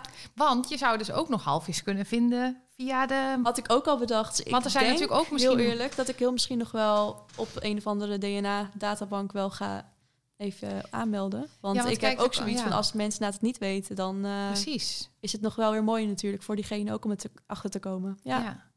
Ja. hoewel misschien wel de kans weer groter is als mensen kiezen voor een bekende donor. Dat, dat, denk ik ook. mensen dan ook eerder vertellen aan hun kind dat ze donorkind zijn. Maar goed, je Ja. weet niet wat er gebeurd is natuurlijk. Nee, en je weet ook, ja, precies, dat weet je niet. Of mensen Nee. misschien wel plannen hadden om het te vertellen. en toch niet gedaan hebben. toch niet ja. gedaan, toch niet Kan. gedurfd.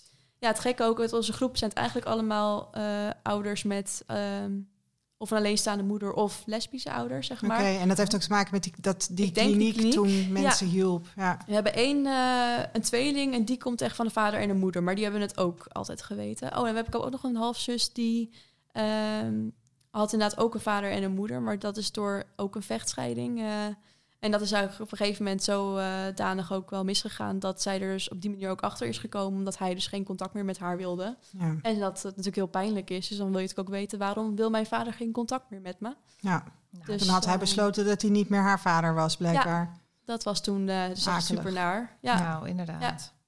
Dus dat is heel vervelend. En, eh, maar goed, die is daarom ook extra blij dat ze ook weet wie Martijn is eigenlijk. Ja. Ja. En dat ze dus daar vandaan komt. En eh, nou ben ik eigenlijk wel benieuwd Ja. welke plek Martijn dan In mijn leven in jouw heeft. leven heeft. Maar misschien is het dan leuk dat we even luisteren naar wat Amy daar vorige aflevering over zei. goed. Want ehm, zij heeft natuurlijk ook op latere leeftijd haar donorvader gevonden. Ja. Zij is ook eh, kind van een alleenstaande moeder. Ja, Ja. dus we dachten, eh, herken je daar iets in of is het voor jou heel anders? ja, ik ben benieuwd. Hoe staat hij in eh, je telefoon? Onder zijn naam of onder mijn vader? Dat is gewijzigd. Die, hij stond er eerst in als papa, want dat was meer voor mij een soort van, voor mezelf denk ik meer een soort van statement van, eh, ik heb nu iemand om zo in mijn telefoon te zetten. Maar elke keer als je daar dan appjes van kreeg, dan voelde het toch scheef of zo. Dat ik dacht van ja, maar dat ben je ook niet echt. Nee, weet je wel. Dus- je papa, hè? dus nu staat hij er gewoon met zijn, eh, met zijn voornaam eh, erin.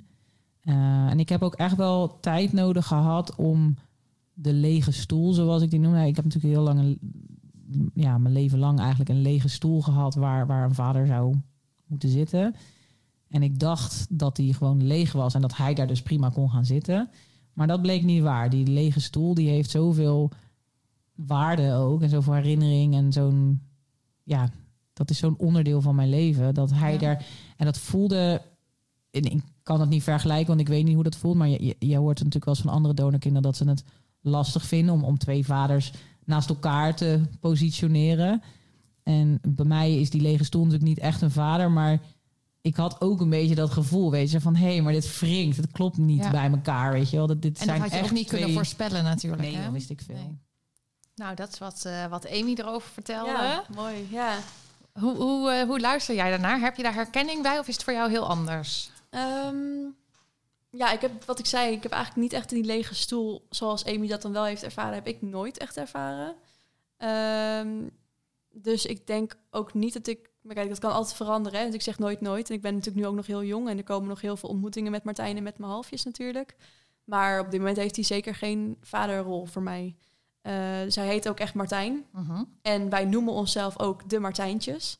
Zo heet eh, in, als uh, WhatsApp-groep, zeg maar. Maar dat vind ik wel heel leuk. Ja, en niemand doet dat ook eigenlijk van onze groep. Dus ehm, ja, ik, ik weet ook niet of mensen daar behoefte aan hebben. Misschien als ze er wel behoefte aan hebben, dat ze dat wel gewoon natuurlijk op die manier moeten zeggen en zien. Maar zie je hem niet als papa of niet als vader? Ah, beide niet. Nee. Nee. Nee, en ik denk ook...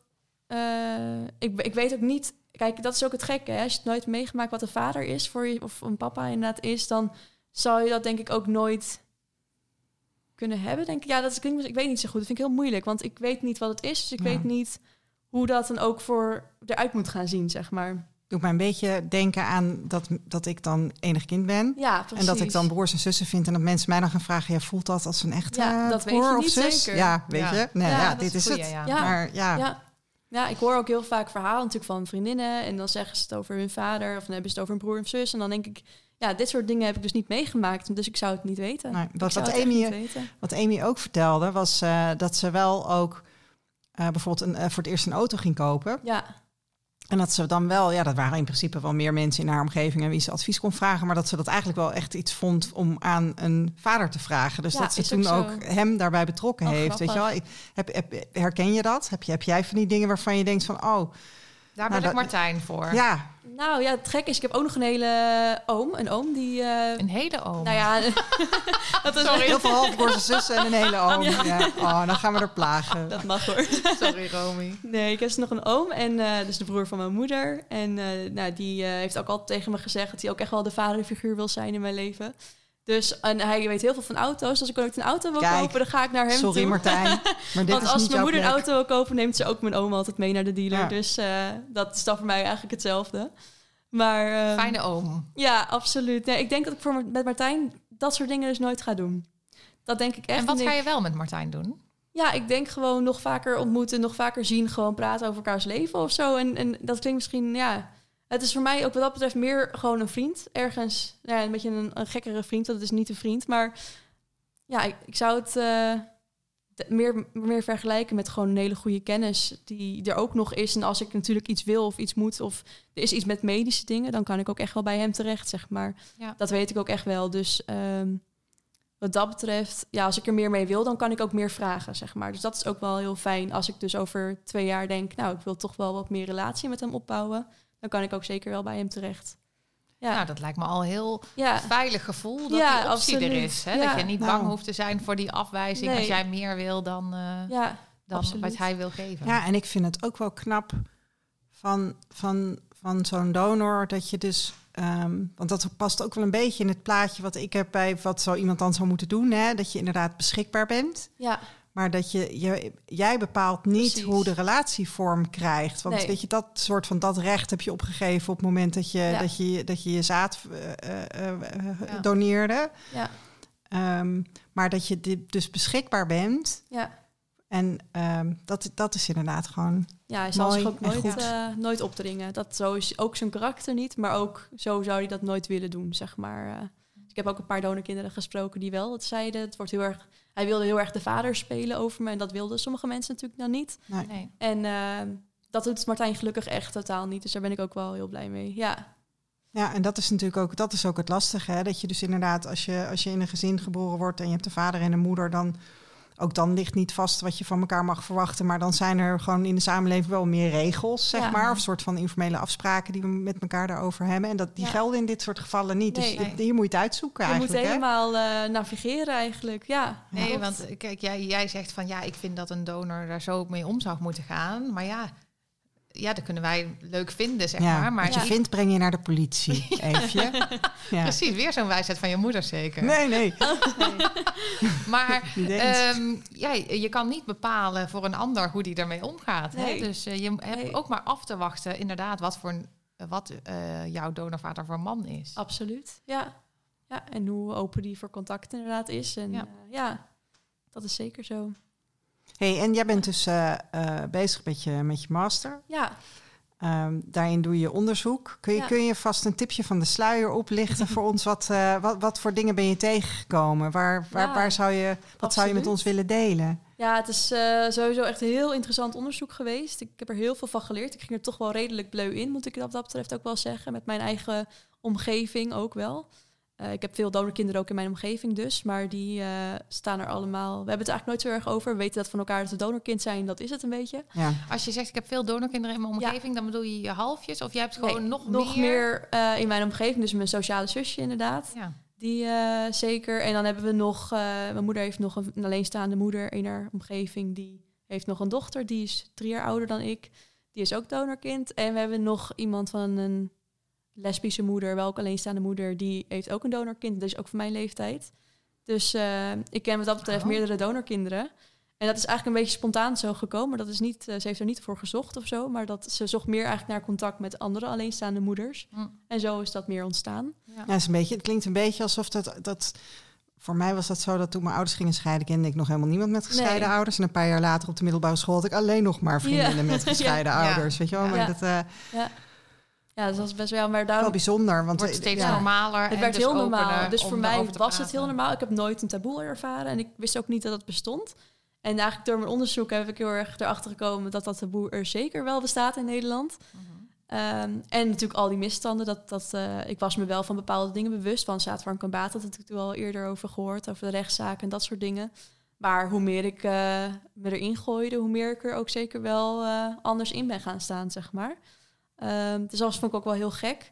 En ik heb uiteindelijk dus 22 donorkinderen gesproken. Dus best wel een groot aantal voor een eh, klein onderzoek wat dat betreft, relatief. Maar, ehm, en nog twee focusgroepdiscussies gehouden met eh, groep, groepjes donorkinderen. Dat was ook, vond ik, heel erg leuk en interessant. Omdat je dan toch ook heel erg die interactie Ja, dat ziet. is weer anders, hè? Ja, is heel anders. Ja. En je komt toch wel weer nieuwe dingen tegen. En eh, ja, dus ook super mooi. En wat heb ik allemaal gemeen? Ja, ik had dus donorkinderen van eh, zowel vader en de moeder komende, zeg maar. Twee moeders of een alleenstaande moeder. Dus ehm, echt drie familiestructuren die ook te vinden zijn in de donorkindwereld heb ik geïnterviewd. En ehm, daar merk ik hele verschillen tussen. En dan met name dat ik dus elf donorkinderen heb geïnterviewd met vader en moeder. En daarvan zijn er tien toch echt altijd geheim geweest. Het donorconceptiegedeelte. Dat vond ik heel schokkend ook, omdat ik wel echt dacht, natuurlijk is het een andere tijd. Maar ehm, voor mij, ja, voor heel veel donorkinderen ook, is openheid toch echt wel belang, heel belangrijk gewoon. Eh, en ik denk dat dat ook heel veel van de schade van donorkinderen hadden kunnen voorkomen, zeg maar. Ehm, en daarvan was er dus eentje die dus wel open altijd erover heeft kunnen zijn met haar ouders. En dat was dus heel ander, eh, was meer van mijn leeftijd, ook 22. En dat is een heel andere soort opvoeding. Want dan, zij was er veel meer oké mee. En veel meer dat ze dacht van het is goed mijn vader is gewoon nog steeds mijn vader. En eh, ik denk dat als dat bij elk ander donorkind ook was geweest, dan was dat precies hetzelfde geweest. En natuurlijk heeft de jeugd er ook heel veel mee te maken.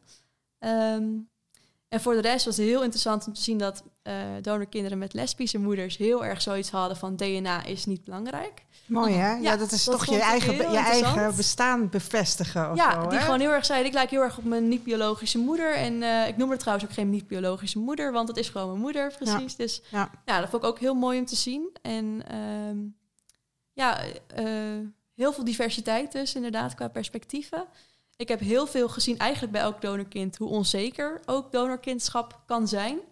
In de zin van er kunnen altijd weer halfjes bij komen. Eh, verwachtingen tussen donorkind of donorvader. Verwachtingen tussen donorkinderen. Ehm, als dat niet op één lijn zit, dan kan het natuurlijk ook nog echt zorgen dat er iets misgaat in die relatie. Dus dat dan ook het contact verbroken wordt. Eh, dat vond ik ook heel interessant om te zien. Dat had ik eigenlijk ook niet heel erg verwacht. Maar eigenlijk herken ik het zelf ook best wel. Want je bent best wel afhankelijk van andere mensen natuurlijk, hoe die dat zien. Als Martijn er heel anders in had gestaan, dan eh, had ik dat natuurlijk ook Ja. heel anders Ja, ervaren. dan, dan moet je daarmee dealen. Precies. Ja. En dan word je er toch in een situatie neergezet waar je misschien helemaal niet ingezet wil worden.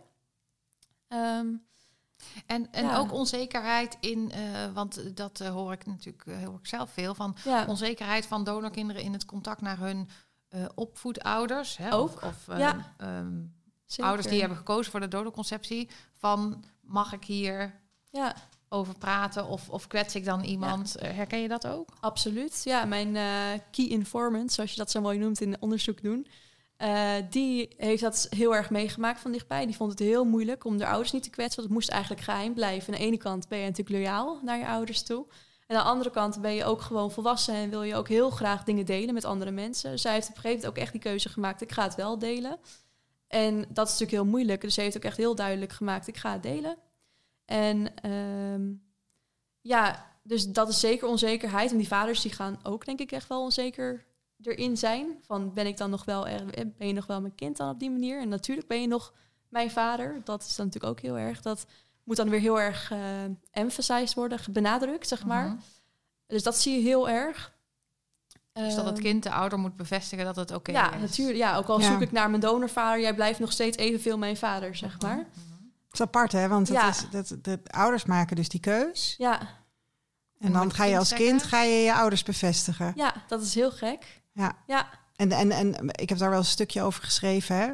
Dat je ehm, als je als ouder een kindje krijgt, dan hou je zoveel van dat kindje. Dan kun je je niet voorstellen dat als je nog een kindje krijgt, dat je weer zoveel van zo'n kindje zou houden. ja, En dan komt er een tweede kindje. En inderdaad, je wordt weer verliefd. En Ja. weet je, en ik, ik heb het daar een beetje mee vergeleken. Dat je Ja. dus ook als kind gewoon ruimte hebt voor meer ouders in je leven. En absoluut. dat die positie die je als vader hebt, ja, die, die, die is er. Ja. En inderdaad, je hebt een kind leren fietsen. En, eh, Ja, nou ja.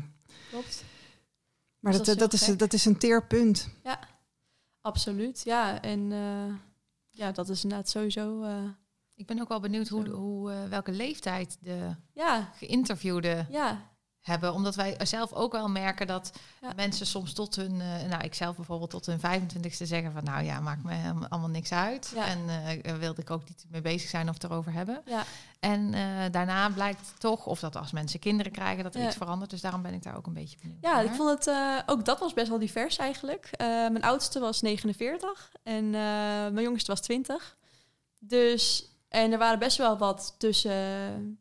Ja, er waren best wel een grote groep tussen de 20 en 30 en er was best wel een grote groep tussen de 30 en de 50 dan zeg maar. Ja, Dus ehm, zie je daar dan verschillen tussen? nou, dus inderdaad, eigenlijk de, de oudere mensen, dat waren dan ook echt meestal wel mensen die het dus op een latere leeftijd te horen hebben gekregen. Dat is natuurlijk sowieso een heel groot verschil.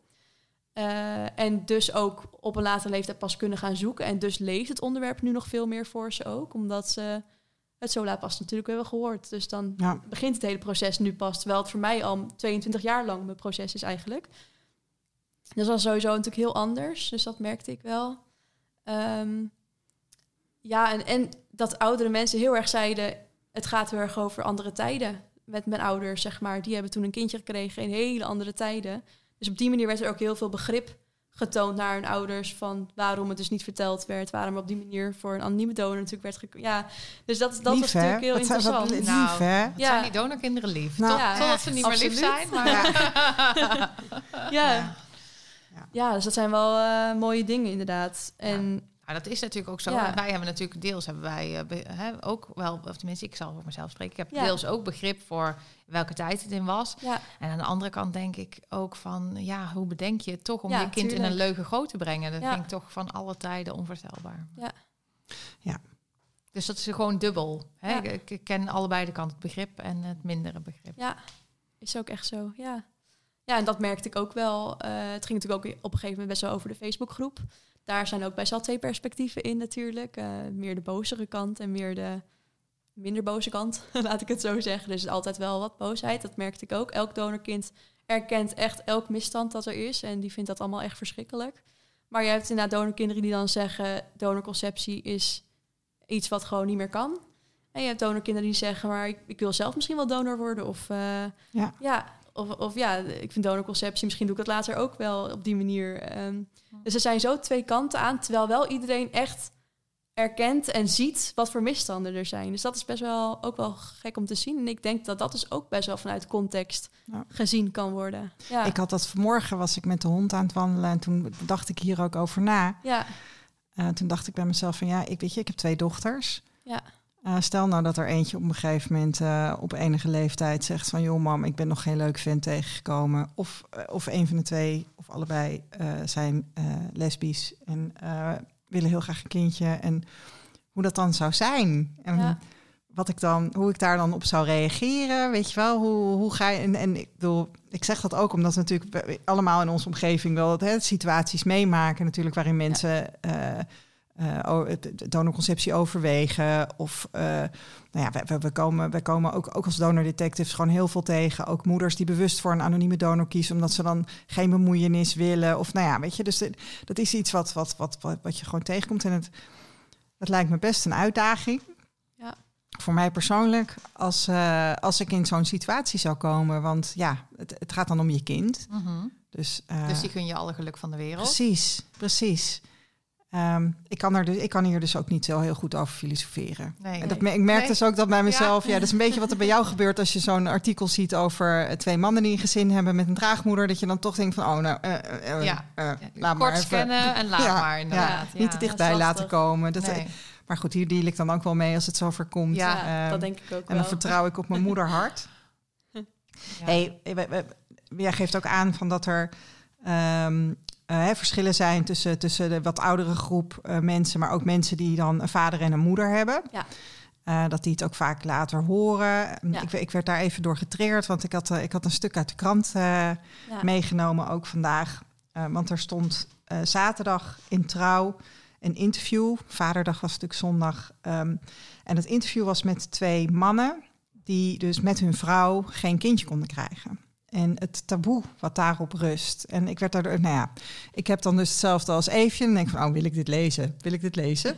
maar ik ben het gaan lezen. En het was Ja. eigenlijk een heel mooi stuk. Ehm, want die mannen die zijn op zoek gegaan naar eigenlijk een platform waar ze die emoties kunnen delen. Want dat, weet je, dat is dus taboe. Ja. En ik dacht bij mezelf van ja, maar dat dit dus taboe is, dat, dat hè, onvruchtbaarheid een taboe is, dat onvruchtbaarheid bij mannen een taboe is, daar begint voor een deel van ons ook het probleem. Absoluut. Ja. En als we dat taboe nou eens, weet je, als we dat taboe kunnen killen, dan, zijn we, dan is ons taboe ook voor de helft al eh, een kopje kleiner gemaakt. ja, dan kan elke ouder gewoon eerlijk zijn over Ja. de donorconceptie. Ja, ja. Ja, goed. En deze mensen hebben dan niet gekozen voor donorconceptie. Eh, maar die mannen hebben dus wel geworsteld met het feit dat ze eigenlijk nergens met hun, met hun gevoel terecht kunnen. Precies. Ehm, en dat er eigenlijk eh, onder vrienden alleen maar grappen worden gemaakt over. eh, nou ja, ik heb die voor mij zwanger gemaakt. eh, Ja. wanneer, eh, wanneer ga jij ze raak schieten? Weet je wel, dat met je Ja. plat gezegd. Maar ik denk eerlijk gezegd dat het niet alleen bij mannen een taboe is, maar bij vrouwen ook. Eh als je Onvruchtbaarheid. Ja, precies. Dus ik denk dat daar eh, op allebei, eh, allebei nog Dat wel denk ik ook wel. is. Ja.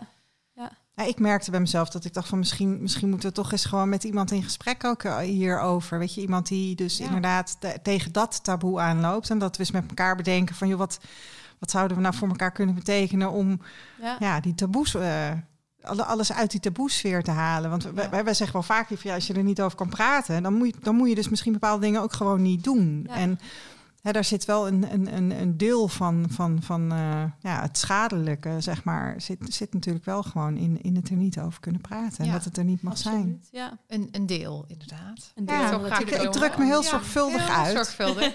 Want ik ben wel benieuwd, eh Romy, hoe jij dan in het algemeen dan tegen donorconceptie aankijkt. Want jij bent dus zelf geen ontevreden of geen Nee, boos Klopt. donorkind. Ja. Eh, maar je hebt wel wat kennis opgedaan over Ja. donorkinderen die dat misschien wel zijn. Ja. Hoe kijk je daarnaar? Je mag alles zeggen. ja. Voel je vrij. Is goed. Nee, dat is een hele goede vraag. En dat heb ik ook de laatste maanden zeker heel vaak aan mezelf gevraagd. Ehm, het is ook iets waar ik nu over heb geschreven in mijn onderzoek. Natuurlijk mijn eigen positionaliteit. Hè? Wat, wat doet dat nou met mij? Ehm voor ik dus in het onderzoek inging, was ik heel bleu. En ik had altijd echt zoiets van... ik vind een hele goede keuze voor, van mijn moeder geweest. En ehm, ik zou het heel misschien zelf ook nog wel doen... als ik later toch eh, manloos word. Wat misschien echt een reële optie is. Dat kan natuurlijk. Ehm, maar dat is natuurlijk nu door mijn onderzoek wel een beetje gaan verleggen. Eh, mijn moeder die zelf, die zegt nu heel erg van... joh, ja, als ik nu had geweten, zeg maar, wat toen allemaal ook speelde nog... had ik het misschien wel anders gedaan. Dat is dan natuurlijk ook wel dat ik denk van... ja, dat is, als jij dit al zegt, dat is voor mij natuurlijk ook wel bepalend. Ehm, aan de andere kant, hoe had ze het dan anders gedaan? Ze mocht toen nog niet adopteren en ze wilde heel graag een kind. Dus had ze het dan misschien toch gedaan, maar had ze dan nog meer gevraagd in die kliniek of zo? Eh, ik, weet- ik weet niet wat ze dan van plan was geweest. Met de buurman Eh, gaan praten. ja, met andere mensen. Nou, ze heeft wel iemand gehad ooit die het aanbood. Maar dat was toch uiteindelijk een beetje te ingewikkeld qua vriendrelaties en zo. Dus ze had zoiets van, nou, ik doe het toch maar eventjes via een kliniek. Ehm, maar eh, ja, en zelf heb ik nu zoiets van... ik, ik, ik associeer soms ook mensen nu erover. eh, in, in mijn moeders omgeving ook nog. Vriendinnen van mijn moeder. Die nog jong zijn en nu op een kinderleeftijd komen. Dat ze kinderen gaan krijgen. En eentje daarvan wil dus nu eh, via donorconceptie doen. Die kwam laatst bij ons avondeten. En die vroeg, wat, eh, wat vind je? Kan ik het doen? Hoe ga ik het doen? Ik zeg, nou, heel eerlijk gezegd... je mag het echt voor mij alleen maar doen via een kliniek. Het mag niet via een Deense donor zijn of iets dergelijks. Niet via een website. Geen anonieme donor. Altijd eerlijk vertellen. Meteen vanaf de geboorte. Dus dat zijn dingen die ik sowieso echt wel wil meegeven. En zeg je dan een Nederlandse kliniek of wat zeg je dan eigenlijk? Ja, echt een Nederlandse kliniek. En dan echt, echt niet uit het buitenland halen, zeg maar. Want dan weet je ook niet hoeveel andere landen zij nog meer eh, sperma hebben gedoneerd, zeg maar. Eh, en voor de rest blijft het natuurlijk een lastig iets. Ik zeg, ja, elk kind reageert er ook echt anders op. Zeg maar dat ik zo blij ben. Het heeft er ook heel veel mee te maken over hoe mijn moeder is. En hoe zij mij heeft opgevoed en hoe wij op elkaar lijken. Als, we, als je al niet op elkaar lijkt, dan is het sowieso heel anders. En wat ik voor de rest... ehm, wat ik zelf de laatste jaren, sinds ik wat volwassener ben geworden, heel erg heb gemerkt, is toch hoe kwetsbaar het is als je maar één ouder hebt. Dus dat wilde ik ook wel echt aan haar meegeven, want zij was dan ook een alleenstaande moeder, wordt ze dan. Ehm, Dat vind ik echt heel knap van jou Ja. dat je dit zegt. ja, en mijn moeder die weet het ook dat ik dat vind. Dat als mijn moeder uitvalt, wat misschien ook echt wel een reëel iets is. Hè, want ze heeft Ja. kreeg dus inderdaad afgelopen maand heeft ze dus borstkanker gekregen en is ze geopereerd. Maar dat zijn wel momenten dat je denkt van ja, als jij nu uitvalt, dan heb ik Mhm. ineens geen ouder meer. En Nee, dan precies. En het is voor mij ook echt, ja, onze band is echt ongelooflijk eigenlijk. Dat eh, kan ik bijna niet verwoorden. Dat, dat is ook iets wat ik in mijn t-shirts neerzet. Dan denk ik, ja, eh, eh, alleen Heel maar hecht, ode aan mijn moeder eigenlijk. Ja, heel hecht. Eh, als zij er niet meer is, dan, dan gaat het niet goed met mij, laat ik het zo zeggen. Ja. Dus zo voelt het voor mij ook echt. Dat dat betreft vind ik het wel weer iets heel kwetsbaars hebben, inderdaad. Ja. Donorconceptie en Ja. dus alleenstaand moederschap. ja. Dat is wel een van de redenen dat ik denk dat ouders niet, dat kinderen niet voor niks twee ouders hebben. Weet je dat als er eentje gek wordt of Ja. doodgaat, heeft heel plastisch gezegd, dan heb je, er, dan heb je nog een reserve. Ja. en dat, Ja. is, dat is natuurlijk niet Het is zo. wel zo. En nou heb, heeft mijn moeder wel altijd heel erg gezorgd voor een heel groot sociaal netwerk om Ja. ons heen. Dus wat dat betreft zou ik nooit alleen komen te Nee, staan. je bent niet met haar geïsoleerd. eh, Helemaal in je, niet. in je- nee, in en je dat heeft ze ook expres echt gedaan. Maar dat is wel anders. Al die andere mensen zijn anders is dan. Je jouw hebt een andere band natuurlijk Ja. met, je, met je ouder. Ja. Dus dan, en dan als je een broer of zus had gehad, was het ook alweer anders geweest natuurlijk. Want Ja. dan heb je dan nog iemand om mee te, mee te Ja. sparren. Ja. Ja, dus dat is ook weer anders. Maar goed, kijk, nu ben jij ook al inmiddels 22 geworden. Precies. Maar kijk, misschien als jouw moeder of hè, bij een ander donorkind iemand, eh, een alleenstaande moeder ziek wordt als dat kind tien is, Ja, dat, dat, is, Ja. dat is de kwetsbaarheid. Hè? Kijk, nu zou het vreselijk zijn, ja maar jij bent volwassen geworden met jouw moeder. Ja. Hè? Dus, dus dat is inderdaad Groot die kwetsbaarheid verschil. die je benoemt. Ja. Die, die speelt eigenlijk dan jouw hele leven al. Ja. Maar voelde jij dat ook al langer? Of komt dat nu doordat Dat zij komt ziek nu. wordt? Nou, daarvoor al. Eh, gewoon meer omdat een, een moeder van een vriendin van mij is overleden. En daarna heb ik heel erg dat gevoel. Dat ik dacht Oh, van, ja. als jij overlijdt, weet je wel, dan... Dat mag je niet doen. Dat is Nee. angstig. Ja. Ja. dus toen werd ik wel meer angstig over. Dat was, dat was nou nu alweer drie, vier jaar geleden bijna. Ja. Dus ehm, vanaf toen heb ik het heel erg gevoeld. Ja, dat is natuurlijk altijd momenten als je dan een dood in je omgeving hebt. Ja. Dan, ja, Moeders dan, horen sowieso niet dood te gaan. Absoluut, nee, Nee. absoluut. Nee, en dat was toen ook helemaal verschrikkelijk, want haar vader was ook nog verschrikkelijk ziek. Dus dat was één groot drama ook. Ja. Maar ehm, ja, dan merk je ook hoe kwetsbaar eh, dat is, inderdaad, het kleine stukje. Ja. En voor de rest donorconceptie, ja, ik zeg nog steeds wel dat het kan. Want Ik ben dan niet dat ik zeg, het kan absoluut niet meer. Maar ik heb meer zoiets van heel erg uitkijken waar je het doet, met wie je het doet. En heb jij niet Eh, zoiets, we en hebben dat eerder ook in de podcast besproken van, Ja, ehm, hè, dat was ook die, ehm, dat Australische donorkind, wat ook een boek heeft geschreven, Sarah Ja. Dingle, die zegt eigenlijk, je moet ermee stoppen, ja. totdat je kan garanderen dat de rechten van het kind ehm gewaarborgd zijn. Hè, dus, eh, want nu weten we nog steeds niet wat er allemaal in die kli- klinieken Klopt. gebeurt eigenlijk. En, en donoren kunnen nog steeds bij alle klinieken in Nederland doneren en veel te veel kinderen maken. Klopt. Hoe kijk je daar tegenaan? ja, ik ben het daar wel ook heel erg mee eens. En ik, ik vind sowieso ook, er is een wijze druk op het hele systeem. Er zijn onwijs veel wensouders die heel graag van donorconceptie gebruik willen maken. Ik geloof dat die wachtlijsten zijn geloof ik echt meer dan een jaar nu. Ehm, dat vind ik sowieso al heel heftig. Want dan wijken mensen inderdaad eerder uit naar andere soort systemen. Inderdaad naar het buitenland, inderdaad via websites. En dat vind ik heel zorgelijk, want ik denk dat dat gewoon... Nou, als jij zo meteen erachter komt als donorkind... dat je 300 broers en zussen rond hebt lopen. Ja, dat is natuurlijk verschrikkelijk.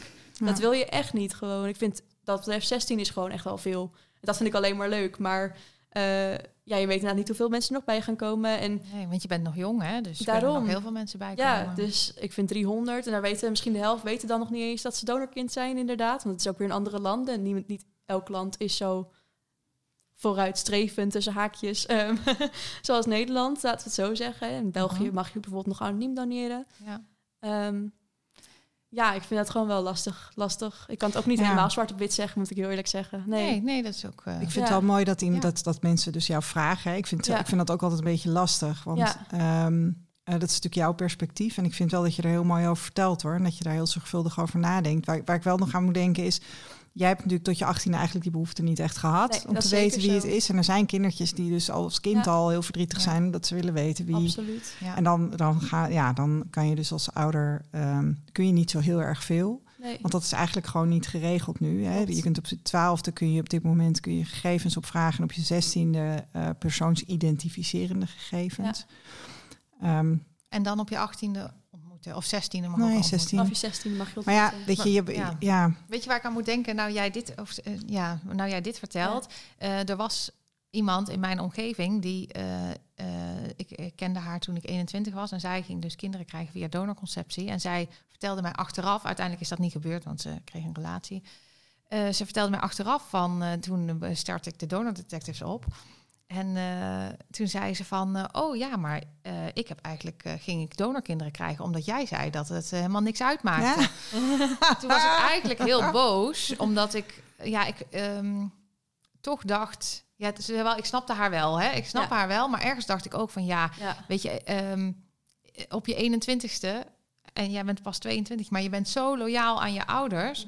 Ehm, en dat wil niet zeggen dat dat verandert, maar ik heb het later wel anders ervaren. Dus ik denk, ja, um, ik snap wel dat je dan denkt, oh ja, zij eh, was volwassen, dus zij kan er iets over zeggen. En aan de andere kant denk ik, ja, je moet je echt realiseren dat mensen pas op veel latere leeftijd Ja. echt loskomen van hun ouders en, en daar op een andere manier over na kunnen gaan denken. En dat dan nog steeds prima kunnen vinden, maar dat er ook iets anders kan gebeuren. Ja. Dus je moet het eigenlijk de volgende keer, als je wil weten of je donorconceptie moet moet je het aan Romy vragen. En je moet gewoon even alle afleveringen van de Kwak Kwaak. Dat, luisteren. Maar dat heb ik ook toen tegen haar gezegd. Ik heb gezegd, ga deze podcast luisteren. En ik heb ook gezegd, kijk naar het zaad van Kijk naar al die artikelen die online Ja. staan. Ja. Dus ik heb er allemaal dingen meegegeven. Ik heb Nou, er nog een boek meegegeven. Dus, de eh, baby-industrie geadviseerd. oh nee, dat niet. Maar dat Oh. zou ik ook nog doen. Want Ja, ik weet, ik heb er echt, eh, eh, een nummer. Dus dat kan ik allemaal doen. Ja, hey, en ehm, dat, dat is ook wel. We, we worden ook benaderd hè, door, door eh, moeders van donorkinderen, ook moeders van kleine donorkinderen, Ja. maar ook van grotere donorkinderen, die dat ze aangeven van, ik luister naar jullie. Het is niet altijd makkelijk. Nee, Nee. ik, voel, ik voel me soms, een- hè, zeggen Ja. ze, ik voel me soms persoonlijk aangesproken. Ja, Eh, maar eh, we hadden bijvoorbeeld een re- reactie van iemand die dat zei. En die zei, ja, maar ik blijf wel luisteren. Want ik vind, hè, ik heb een bepaalde verantwoordelijkheid naar mijn kind. Dat ik inderdaad ook moet weten van ja. ehm, wat er bij hem kan gebeuren. Of wat er, wat Ja, er in absoluut. de industrie, hè, de baby-industrie, zeg maar, eh, gebeurt. Ja. Dus ik vind dat wel heel dapper Ja. van haar. En ik vind dan Ja. ook dapper dat iemand ons een bericht stuurt. Dus, eh, absoluut. Ja. Hey, en de baby-industrie, heel eventjes, dat is, eh, dat is een documentaire serie hè, van een aantal jaar geleden. Vier afleveringen. Ik denk dat die uit 2018 was. We zullen het linkje nog een keer delen. maar die staat ook al in de show notes. Die staat al in show notes van, een van een andere aflevering, maar we zetten Ja. hem hier ook weer eventjes bij. Ja, Want dat, dat is echt wel, dat is Even wel de moeite waard. Want daarin zie je dus gewoon hoe, hoe het in elkaar zit. En inderdaad, wat jij zegt, Romy, hè, dat er druk staat op die industrie. Die Ja. industrie die we leveren. Ehm, ja, en dan, eh, dan komen er allerlei creatieve oplossingen waar je, als je daarnaar kijkt, ook een beetje buikpijn van kunt krijgen. Absoluut. ja. Ja, ja en, en wat ik dus ook wel vind, ik, ik heb gewoon heel veel mazzel gehad als donorkind dat ik zo onwijs veel op mijn moeder lijk. En, hè, en als jij als donorkind totaal andersom bent dan jouw moeder en die kan jou op een bepaalde manier, hè, straks is jouw, stel je kind is helemaal eh, heel sterk qua karakter en jou, jij bent als moeder ben je dat eigenlijk helemaal niet. Dan is het natuurlijk heel moeilijk om zo'n kind natuurlijk echt ehm, ja, niet op te voeden, maar wel om het integreel te krijgen of zo. Om, Ja, om en te minder- ondersteunen om Ja. die eigenschappen ook Ja, eh, dat die er mogen zijn. Ja. Want dat hoor je ook vaak. Hè? Dat eigenschappen die ouders niet herkennen van zichzelf Ja, of dat dat moeilijk is dat het moeilijk is om eh, dat in je kind te zien. Absoluut. Dus ik denk dat dat een heel groot verschil maakt. En dat druk ik ook wel echt iedereen op het hart hoor. Van ehm, ja, het kan helemaal anders uitlopen. Dus ik wil Ja. ook niet verantwoordelijk zijn als het zo meteen misgaat. Zeg Maar maar. jij had gezegd, Romy, Ja, dat ik het zo moest doen. Precies. Nee, maar dat zeg ik dan wel. Want ik zeg, ik ben gewoon ook heel erg... We hebben gewoon heel veel massa gehad dat het zo is gelopen. Maar Ja. dat hoeft natuurlijk helemaal niet Nou, het is ook niet zo dat die persoon mij dus gevraagd had, wat vind je daarvan? Maar Nee. die dacht door de manier waarop ik erover sprak. Ja. van, Omdat oh, dat jij gewoon niet prima. mislukt was. Ja, Daar inderdaad. hadden we het vorige keer met Amy over. Hè? Die zei van, joh, kind. dan wordt er gemeten van, eh, ja, heb je een baan, eh, ben je Ja, gezond, eh, dus eh hoop vink, Ja. dat is, het is oké. Ja, Ehm, maar ja, goed, jij deed het dus goed, dus het was oké. ja, Ja. precies. Ja, Ja. Dus eh, dat zijn wel eens ingewikkelde dingen. Dat je dan soms een verantwoordelijkheid terugkrijgt. Dat je denkt, wow, maar dan ben ik niet verantwoordelijk voor wat Ja. jij nu ook zegt voor jouw keuze. Ja. hey, en jouw moeder luistert ook, zei je? Ja, klopt. Ook dapper, hè? Ja, zeker. Ja. Ja, ze vond vooral die laatste aflevering eh, toch wel veel boosheid natuurlijk. Ja. Dat benoemden jullie zelf volgens mij ook. En eh, ze zegt, ja, maar ik vind het ook heel goed hoor. Want dan eh, krijg ik er even wat meer van mee. En eh, het is niet allemaal positief, nee. Nee, dat was, dat, Ja. er zat ook echt wel een disclaimer bij die aflevering. Ja, en we hebben ook een reactie gekregen van, eh, van Lex. Die, Ja. eh, die is donor. En eh, nou ja, die wilde ons toch wel even laten weten dat hij, dit, geen, dat hij niet vond dat wij een heel prettig beeld schetsten. Nee, Ehm, nee maar we hadden, het natuurlijk, we hadden ja. het natuurlijk niet over hem. nee, Laat dat duidelijk zijn. ja. Precies. Daarom Maar ook inderdaad. allemaal die andere afleveringen natuurlijk... waar wel andere dingen in besproken worden. Ja, het Dus moest er gewoon eh, even uit. Nou joh, en het was dat ook echt... Ja. Het was ook echt best wel lekker om te doen hoor. En ik vond ons nog, hè, toen ik terugluisterde, ik vond ons nog heel beschaafd. Ja, En inderdaad, we kunnen nog zes van die afleveringen maken, want Ja. lang niet alles is aan bod gekomen. Dus, moeten we eh, elk seizoen een boze aflevering of zo. misschien wel lekker. Ja, Ja, het is ook goed om frustraties te uiten, toch? Dus, Zeker. eh, ja, Nou ja, en er het is Zet er maar uit. Weet je, er zijn, er zijn zoveel mensen die, die, die, die hierin opgroeien, volwassen worden eh, en, en, en lief zijn voor hun omgeving en, en, en niemand willen kwetsen. Ehm, dat ik denk dat het ook inderdaad best wel goed is om eens even lekker die boosheid te horen. En dan ook gewoon bevestigd te krijgen dat het oké is. Hè? Je Dat mag, ook gewoon, ja. je mag het niet eens zijn met de manier waarop je gemaakt bent. En dan nog steeds ja. er gewoon wel zijn. Het is oké. Dat, En je mag eh, het ook eh, per periode in je leven er anders over nadenken Precies. natuurlijk. ja, hoor, Ja. Ja. helemaal. Ja.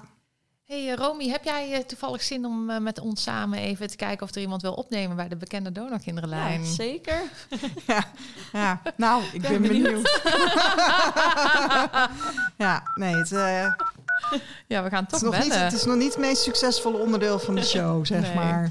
Maar ja, we, we blijven gewoon, ja. Proberen. Ik, ik dacht al, zal ik vandaag voorstellen om dan maar niet te bellen. Maar ik dacht, nee, dat kan niet. We Nee. blijven bellen. Nee. Maar, maar voel je geroepen, hè? Ben je beroemd en donorkind? Eh, ga een keer achter de lijn zitten. Ja. Ja, Hmm. Ik denk, ik denk van, van niet weer. jammer hè? Ja, ja, ja. Helaas. Ja, ken of ben je een bekend donorkind? eh, geef ons een seintje, info. Ja. Nee, niet info. Wat is dat Nee. nou voor ons? De kwakkwaakt.gmail.com. Jij weet het altijd zo dit goed. nou? Info. Ik laat het de meestal kwak- zeggen. Dan moet je dus mailen naar dekwakkwaakt.gmail.com. Je mag ook gewoon iemand verlinken. Dat geeft helemaal niks. Nee. Dus, eh, je hoeft het niet zelf te zijn. Maar gewoon als je weet, iemand in je omgeving, weet je, dan kunnen we misschien contact De, leggen. de donorkinderen kliklijn. ja, ja. precies. En we zullen heus heel discreet zijn eh, en niet zomaar mensen exposen. Maar ehm, ja, weet je, als je ons in contact kon brengen met iemand, eh, eh, dan, eh, dan zou het zou toch wel echt heel tof zijn als er Nou. gewoon mensen gaan opnemen. Dat hè? er, al, al, al is het binnenkort een keer, weet je wel. Dat Ja, we niet ja. elke keer een, een bekend donorkind hebben, maar af en toe wel. Dat Ja. zou al fantastisch Ja. zijn. Ehm, Esther, we hebben nog een, een eh, weggeefactie. Ja, echt. ja, nog eh, eigenlijk een stukje ehm, heritage van de donor detectives. Ja, hè? We hadden nog wat in de kast liggen. Ja. En dat is eigenlijk natuurlijk zonde, want eh, we hebben drie eh, DNA-kits eh, nog liggen. Ja. Die- eigenlijk weggeefkits. En, ja, de beste ook gewoon, hè? Ancestry. Dus Ja. Ancestry kun je uploaden naar andere DNA-databanken. Dus dat is een soort van 4-in-1-test is ja, dit. daar sta je dadelijk overal in. Dus als je wil vinden, dan is dat een goede test. Ja, ja. Ehm, en die willen wij wel weggeven. En dan hebben we daar een die leuk krijg je dus niet bedacht. zomaar. Nee, wel weggeven, maar je moet er wel iets voor doen. Ja. Ik ben benieuwd wat jij ervan eh, denkt, Romy. Want wij willen natuurlijk, hè, we hebben het vandaag al gehad over het taboe. We willen natuurlijk van dat taboe af. Ja.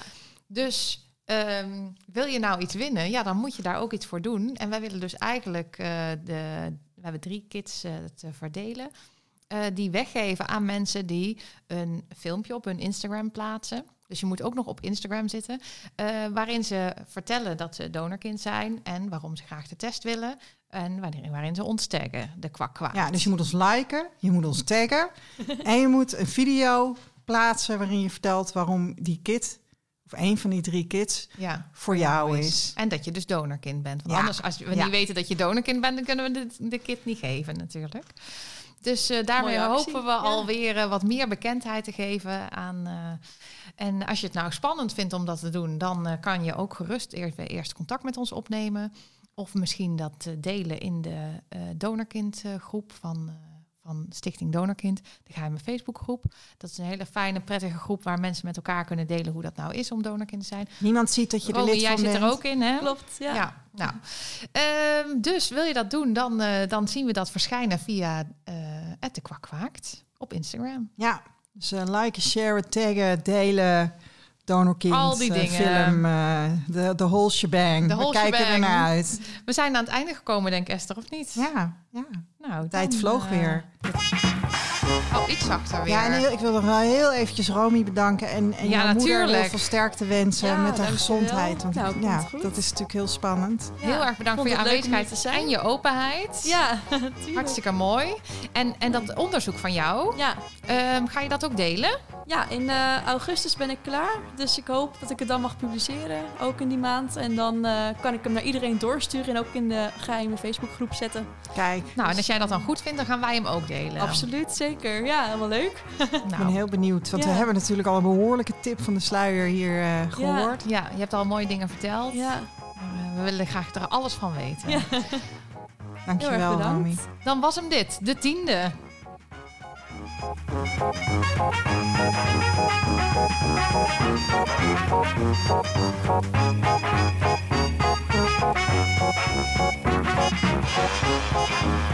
Thank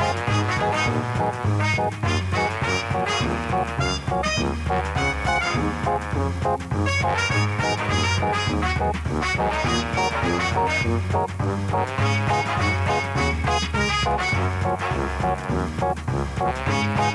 you.